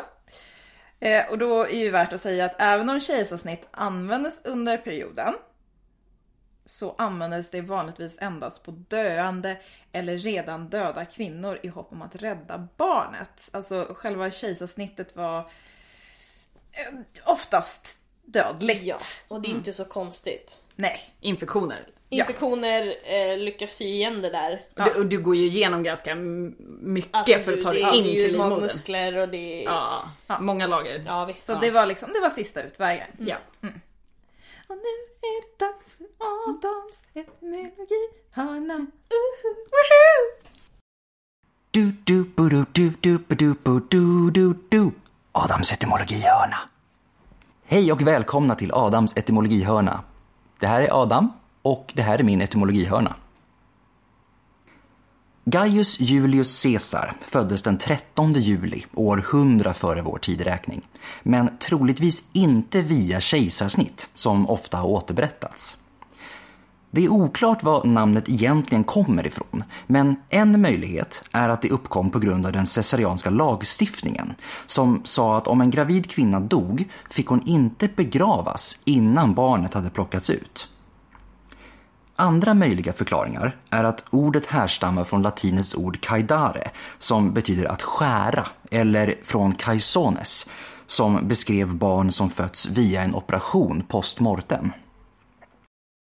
Till exempel så ska läkekonstens gud Asklepios ha fötts genom just en sådan postmortem operation. Anledningen till att vi vet att Caesar inte föddes via kejsarsnitt är för att hans mamma överlevde förlossningen och sedan fortsatte att leva i många år därefter. Kvinnor som genomgick kejsarsnitt under antiken var antingen döende eller redan avlidna. Det var alltså en sista åtgärd för att försöka rädda barnet. Men nu har vi haft tur. Jag tror att vi, kanske var jag med min sätesbjudning som gick under här. Men ni andra har klarat Ja, vi klarar oss förlossningen. allihopa. Vi klarar oss kanske Ja. allihopa. Emelie är inne på sin 18 eller? ja. Men det är ju inte riktigt färdigt. Vi har ju lite grejer som ska liksom klaras precis. av här. De, de, vi har lyckats klämma ut dem. Och då måste vi ju klippa navelsträngen. Yes. I Egypten så använder man eh, oftast en speciell rituell kniv. En eh, PCKAF, kanske det uttalas som. Det, det, de hade ju inga vokaler i sitt alfabet. Piskuf. Nej. Och för, för, då, ja, den här rituella kniven gjorde man för att göra det. Och det gjorde man eft- eftersom att födsel var så starkt förknippat med döden. Eftersom det var så vanligt att dö då i barnsäng både mamma och barn. Så ska den här speciella kniven vara, ha varit samma som vid det, det rituella öppnandet av en mumies mun precis innan man eh, gravsätter den. Och när man gör det så kan den döda påbörja resan till dödsriket och återfödseln. Jag hoppas att de Precis. tvättar den emellan. För, förhoppningsvis. Men det är, det, i Egypten var ju just död och födsel, alltså återfödandet, Ja. var ju så starkt sammankopplat. Ja. Så att det känns väl som att det här var ganska nära varandra på något Men sätt. det var ju det, som sagt, både det i risken när Ja. man föds och som du säger, så här, Osiris återfödande. Och... Precis, det, det var ju väldigt Visst. Mm. ingrained i, i deras kultur, just den här synen på att man återföds. Ja. I grekiska romerska världen var det ju barnmorskan som skar av Det var lite mer så här, vi skär av den, Det var lite sen väntar vi på att eh, moderkakan kommer ut. Ja. Eller hjälper till att... Eller hjälper Ja, till. utan. Men, eh, men man den eh, får man göra någonting med. Ja. Efterbörden. Efterbörden. Det är också en sån här ord som man bara, Men moderkaka är också så här. moderkaka och efterbörd, Ja. alltså det låter lite så Ja. brutalt. Men, ja, moderkakan då. Mm. Japp, Ja. mother cake. The mother cake. Eh, I Egypten då så begravdes den oftast under husets tröskel. Och det här för att liksom ge tur till nästa förlossning.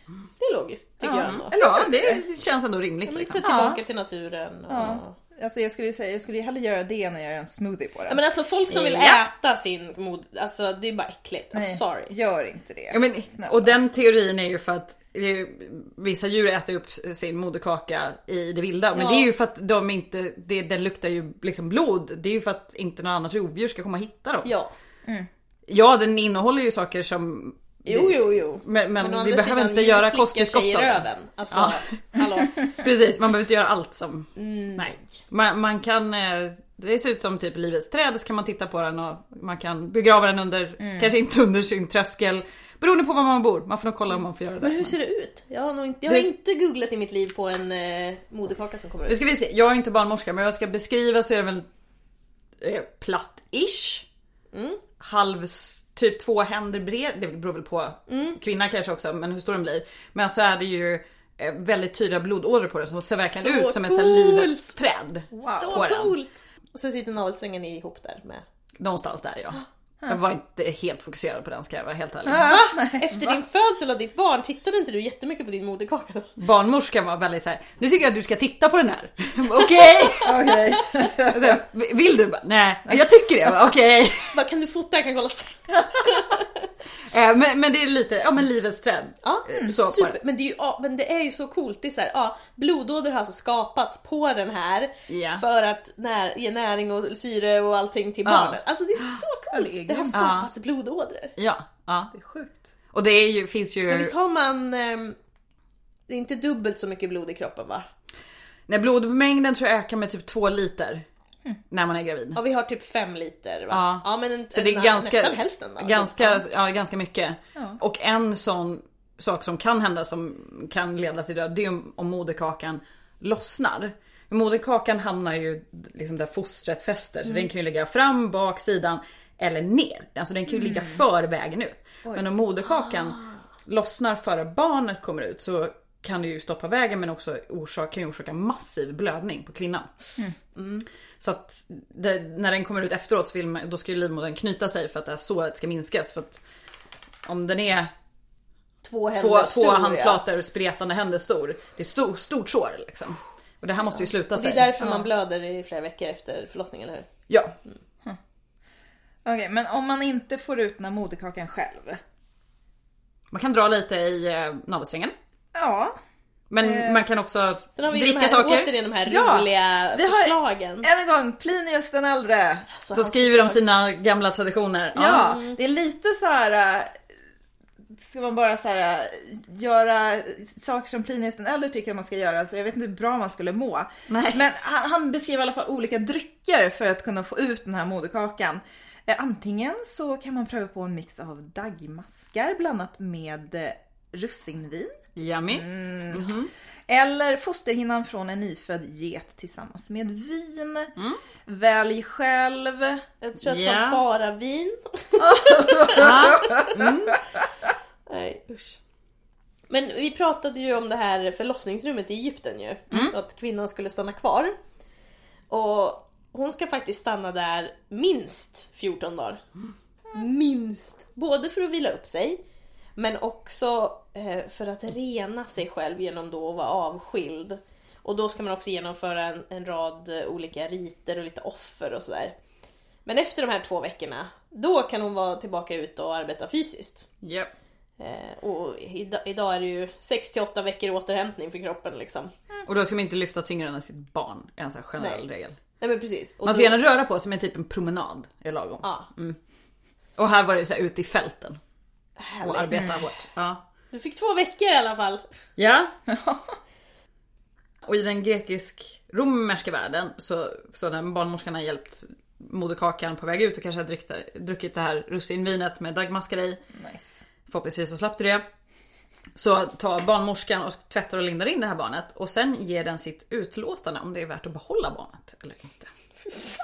Så jävla hemskt. Den är ful. Ja. Vi, vi kommer, den, ja. ja, vi kommer Ja, komma in på det lite mer senare men, men så gör ju inte barnmorskor idag, tack och lov. det är De bara äh, nej det här var inte söt nog. Äh, nej. Ja, try again. Oh my god.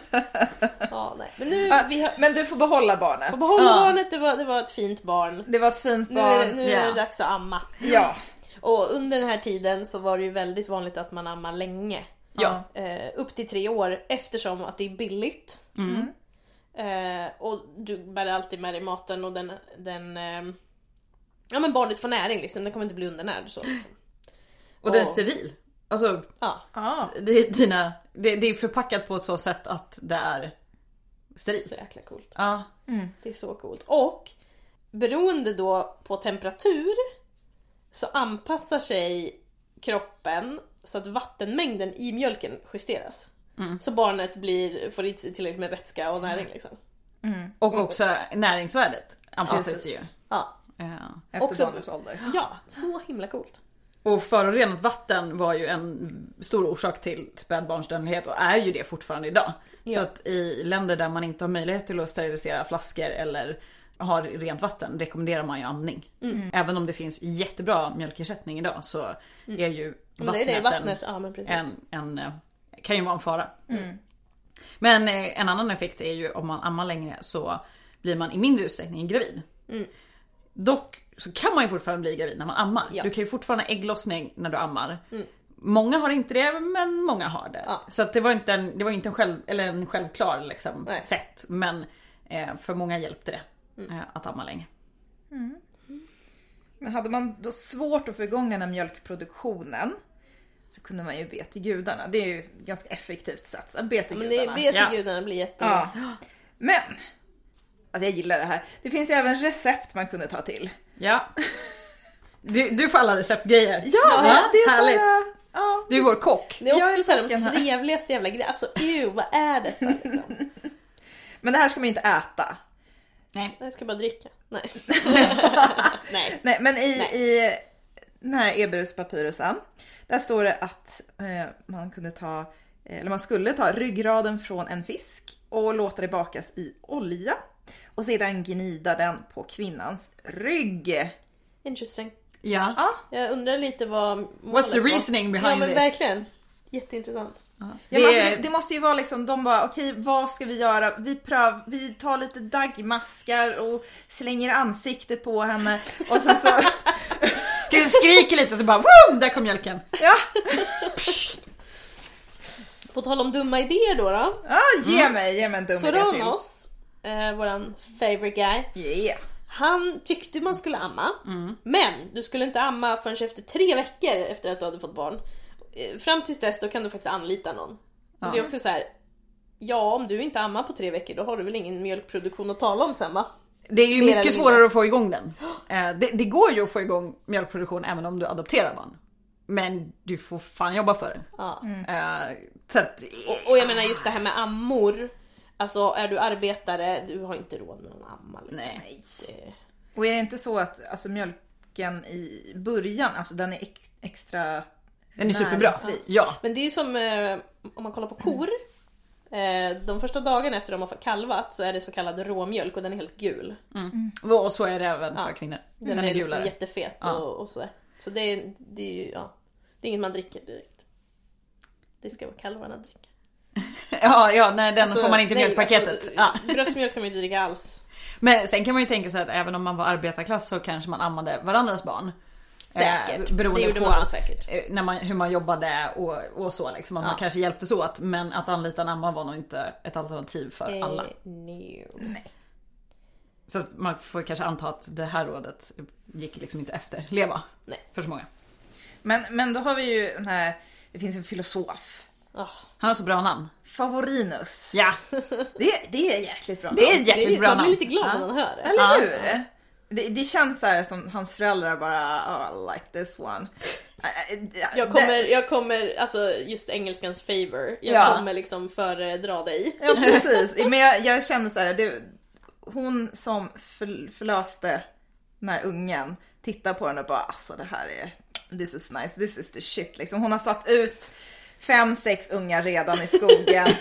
den här, ah, favorinus. Yes, Ja, han är It's bra. the one. Yes, it's the one. Men favorinus då tyckte ju också att amningen var bra.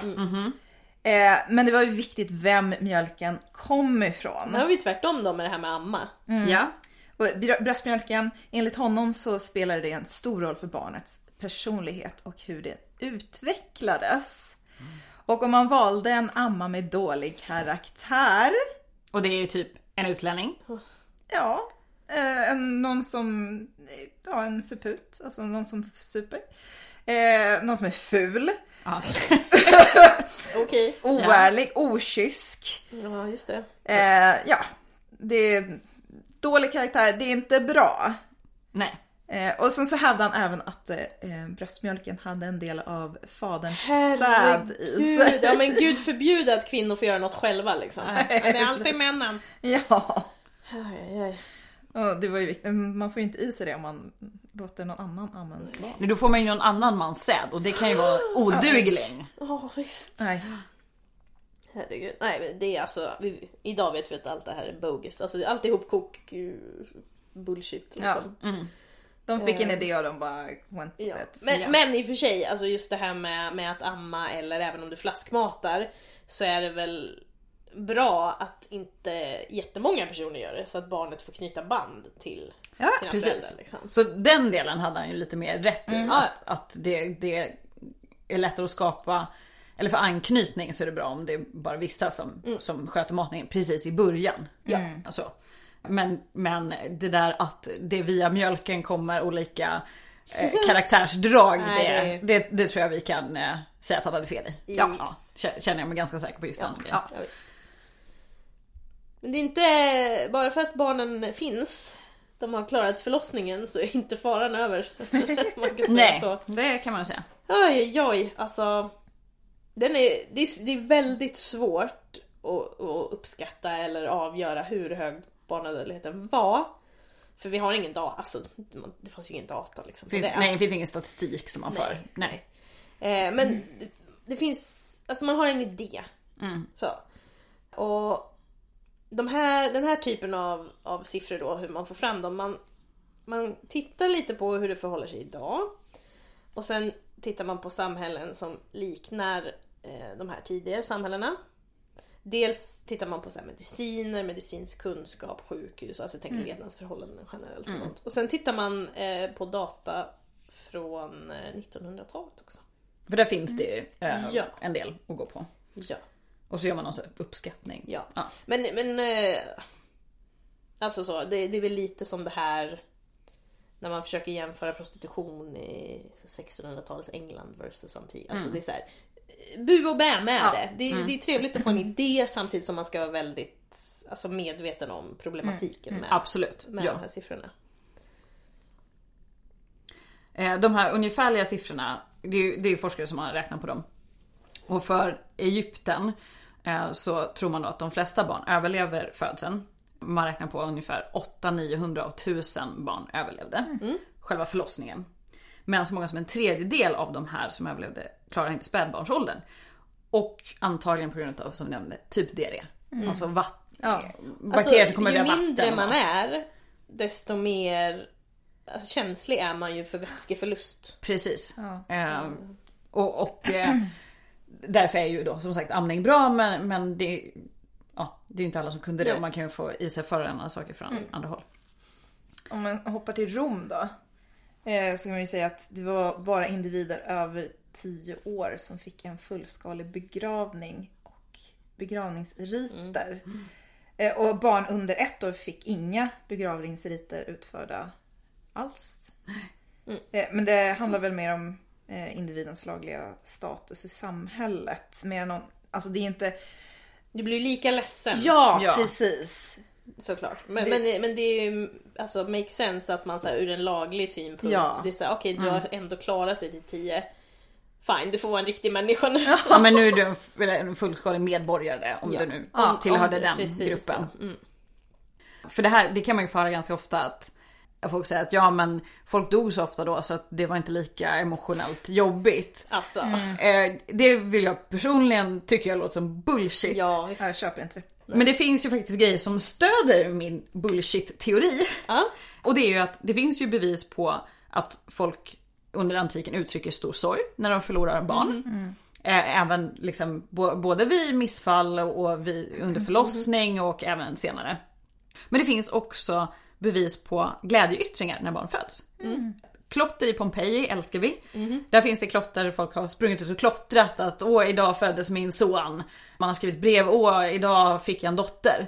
Om man nu är så glad över att barn har fötts som man måste springa ut och klottra på en vägg. Ja. Och man vet ju inte om det här barnet då kommer överleva. Nej, Då kommer man antagligen bli ledsen om barnet Ja men går det är bort. såklart. Ja. Det är, men det är också så här, bara för att det är vanligt så betyder det inte att det inte slår. Och att, att man- är vadå, emotionellt avstängd. Nej, inte alltså. Det, nej. Nej. Nej. Nej. Och som sagt, det, det finns ju då konkreta bevis på att folk blev väldigt ledsna och väldigt glada när det dog De har ju samma känslor som vi idag och kvinnor, alltså som sagt har man sett fram emot det och dels om du har varit gravid och har alla de här hormonella förändringarna, du har burit på någonting Mm. i nästan 10 månader. Det är väl klart som fan att du blir ledsen. Ja. Alltså, men, det, men det är det här återigen att man ibland inom forskningen man har det rakt framför sig men så är man så jävla dum så man liksom säger nej men de är, det är så länge sedan, de måste ha varit helt annorlunda från oss. Man bara ah sure. Vissa saker är ganska konstanta genom människans Ja, historia. Ja. alltså känslor, begär, eh, lycka, Behov. sorg. Ja, Alltså hallå. ja. Det- ganska ja. basic grejer. Ja det är det. det, är det. Eh, Men det är inte bara barn som dör. Nej, eh, nej, utan det är nu- även mödrar. Precis, så har- nu har vi ju Emily eh, har fått 18 ungar. Hon är inne på sin 19. Emily jobbar hårt. Fan. Och jag klarade inte min, min ager partus där. Nej. Nej jag strök med på en gång. Men, men Emily är inne på sin 19. Och så kollar hon bort. Hon dog. Tjopp, tjopp. Du klarade 18, 19. Dammit. Det Nej, var mitt fall. tyvärr. Ja. Men eh, samma forskare som tidigare nämns eh, räknar med att, eh, dödlighet för kvinnor, det var cirka 40 till 70 kvinnor per tusen förlossningar. Om man jämför med idag i Sverige. De senaste siffrorna jag kunde hitta var från 2014. Då är det cirka fyra kvinnor som dör per 100 000 förlossningar. Och det är oftast eh, liksom komplikationer, till exempel dolda hjärtfel. Men, men det är ganska stor skillnad mot 70 kvinnor per 1000 förlossningar. Ja, verkligen. Och det är ju till exempel hjärtfel men också infektioner efter förlossningen. Visst.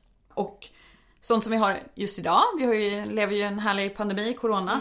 Det ökar ju mödradödligheten i, Ja. i, i världen, Ja, ja. I, även i- alltså idag i modern tid. Men det gjorde ju också det eh, under antiken. Alltså när det blir sämre förhållande eller eh, svältperioder så ökar ju också mödradödligheten för att du, kroppen är inte har inte samma förutsättningar. Det är kanske svårare att röra sig i samhället, du får inte samma hjälp.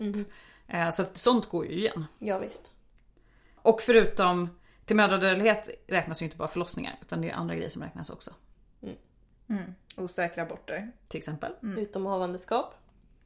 Utom kvedshavandeskap. Utom kvedshavandeskap. Utom havandeskap. Utom kvedshavandeskap är alltså när fostret fäster på en annan plats än i livmodern. Oftast i äggledaren. Ja. Och eh, det går inte jättebra. Och kroppen i vissa fall kan den hantera det här och kapsla in det här fostret så att du inte får, en blodförgiftning men oftast så går det inte så bra. Undernäring. Inte jättebra. Sviktande hälsa. Havandeskapsförgiftning. ja. Alltså högt blodtryck. ja. Och sen om du är, som vi har pratat om, eh, det gäller ju även idag som under antiken, om du är riktigt ung Ja. så är du ju en, löper du ju en större risk att dö på grund av komplikationer då i barnsäng. Mm. Och det, är- det är ju som sagt, allt är inte färdigt. Så din Nej. kropp, om du är så ung, är inte, är inte färdig.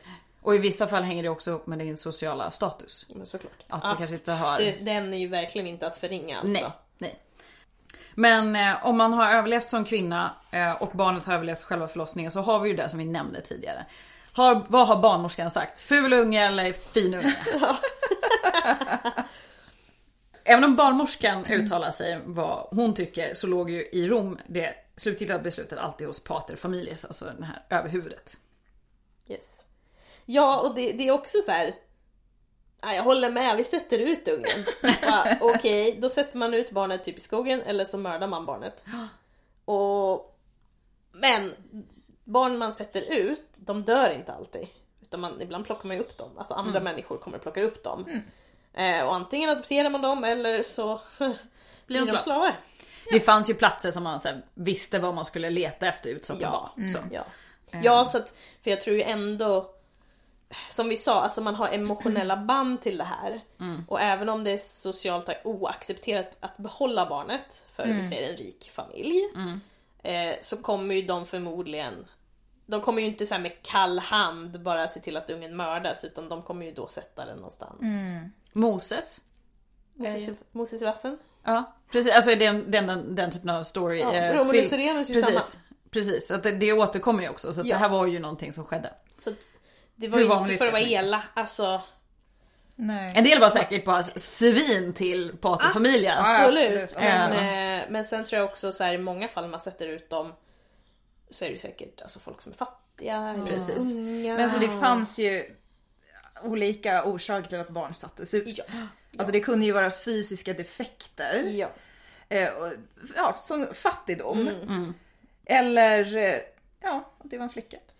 Så det, det ser vi ju faktiskt idag. Både Kina och eh, Indien har ju, undrar om det var Indien, som hade 30 miljoner fler män än kvinnor nu i en generation för att man har gjort sig av med så många Där gör man ju ofta abort Flickor. också. Ja. På Ja, flickfoster. Men så att det, det börjar ju bli ett sjukt stort samhällsproblem både Ja. i Kina och Indien nu. Och i Indien är det väl till stor del för att hemgiften när du ska gifta bort din dotter är så bisarrt hög. Mm. Ja. Så att så många föräldrar har inte råd att uppfostra flickor.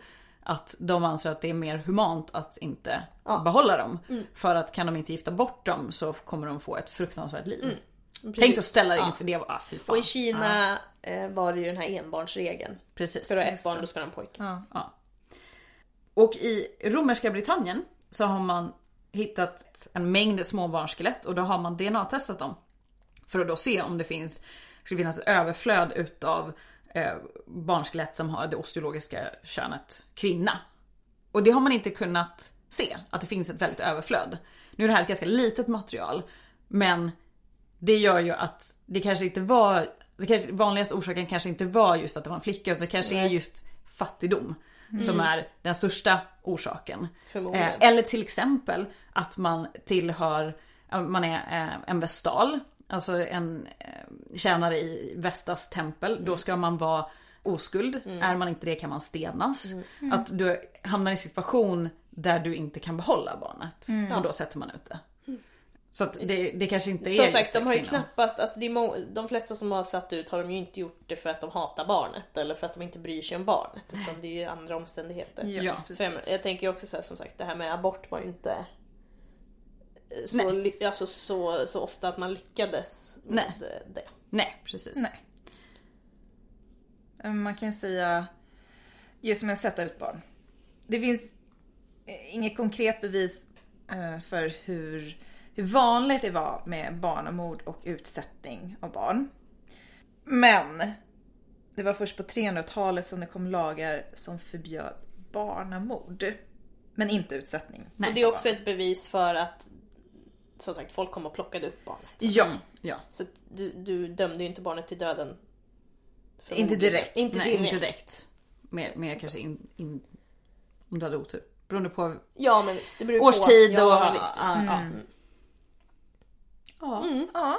Nu har vi tagit oss igenom. Delar, vissa av oss har överlevt, andra har inte. Svettigt. Vänta, Jobbigt. är jag den enda som lever? Jag tror inte du är den enda som lever. Emily score. tog- tog Ja just det, du 19 plockade ju va? det 19 barnet. Ja. och det här var en liten, snabb vet jag inte, men genomgång utav hur det var att föda barn under antiken. Ja. Mycket gode gud för sjukhus. Ja, mycket har förändrats, vissa saker har inte förändrats. Nej. Nej. Så nej, vi, vi är mer lika än vad vi tror. Ja. Man kan säga, Förlossningspall for the win. kan säga, det finns ju hur mycket mer information att hämta som helst när det kommer till det här ämnet. Ja, absolut. Det är ganska intressant att läsa de här medicinska texterna. Eh, Det är ganska roande läsning ibland. Och inte så svårt att få tag på. Man kan googla och hitta ganska mycket information. Så Det det, kan jag rekommendera. Och med det, Säger vi Tack för idag och och på på återhörande. återhörande. Vill ni komma i kontakt med oss så finns vi på podiuscastus.gmail.com På Instagram och på Facebook. Så hör gärna av er så kan vi prata vidare om det här.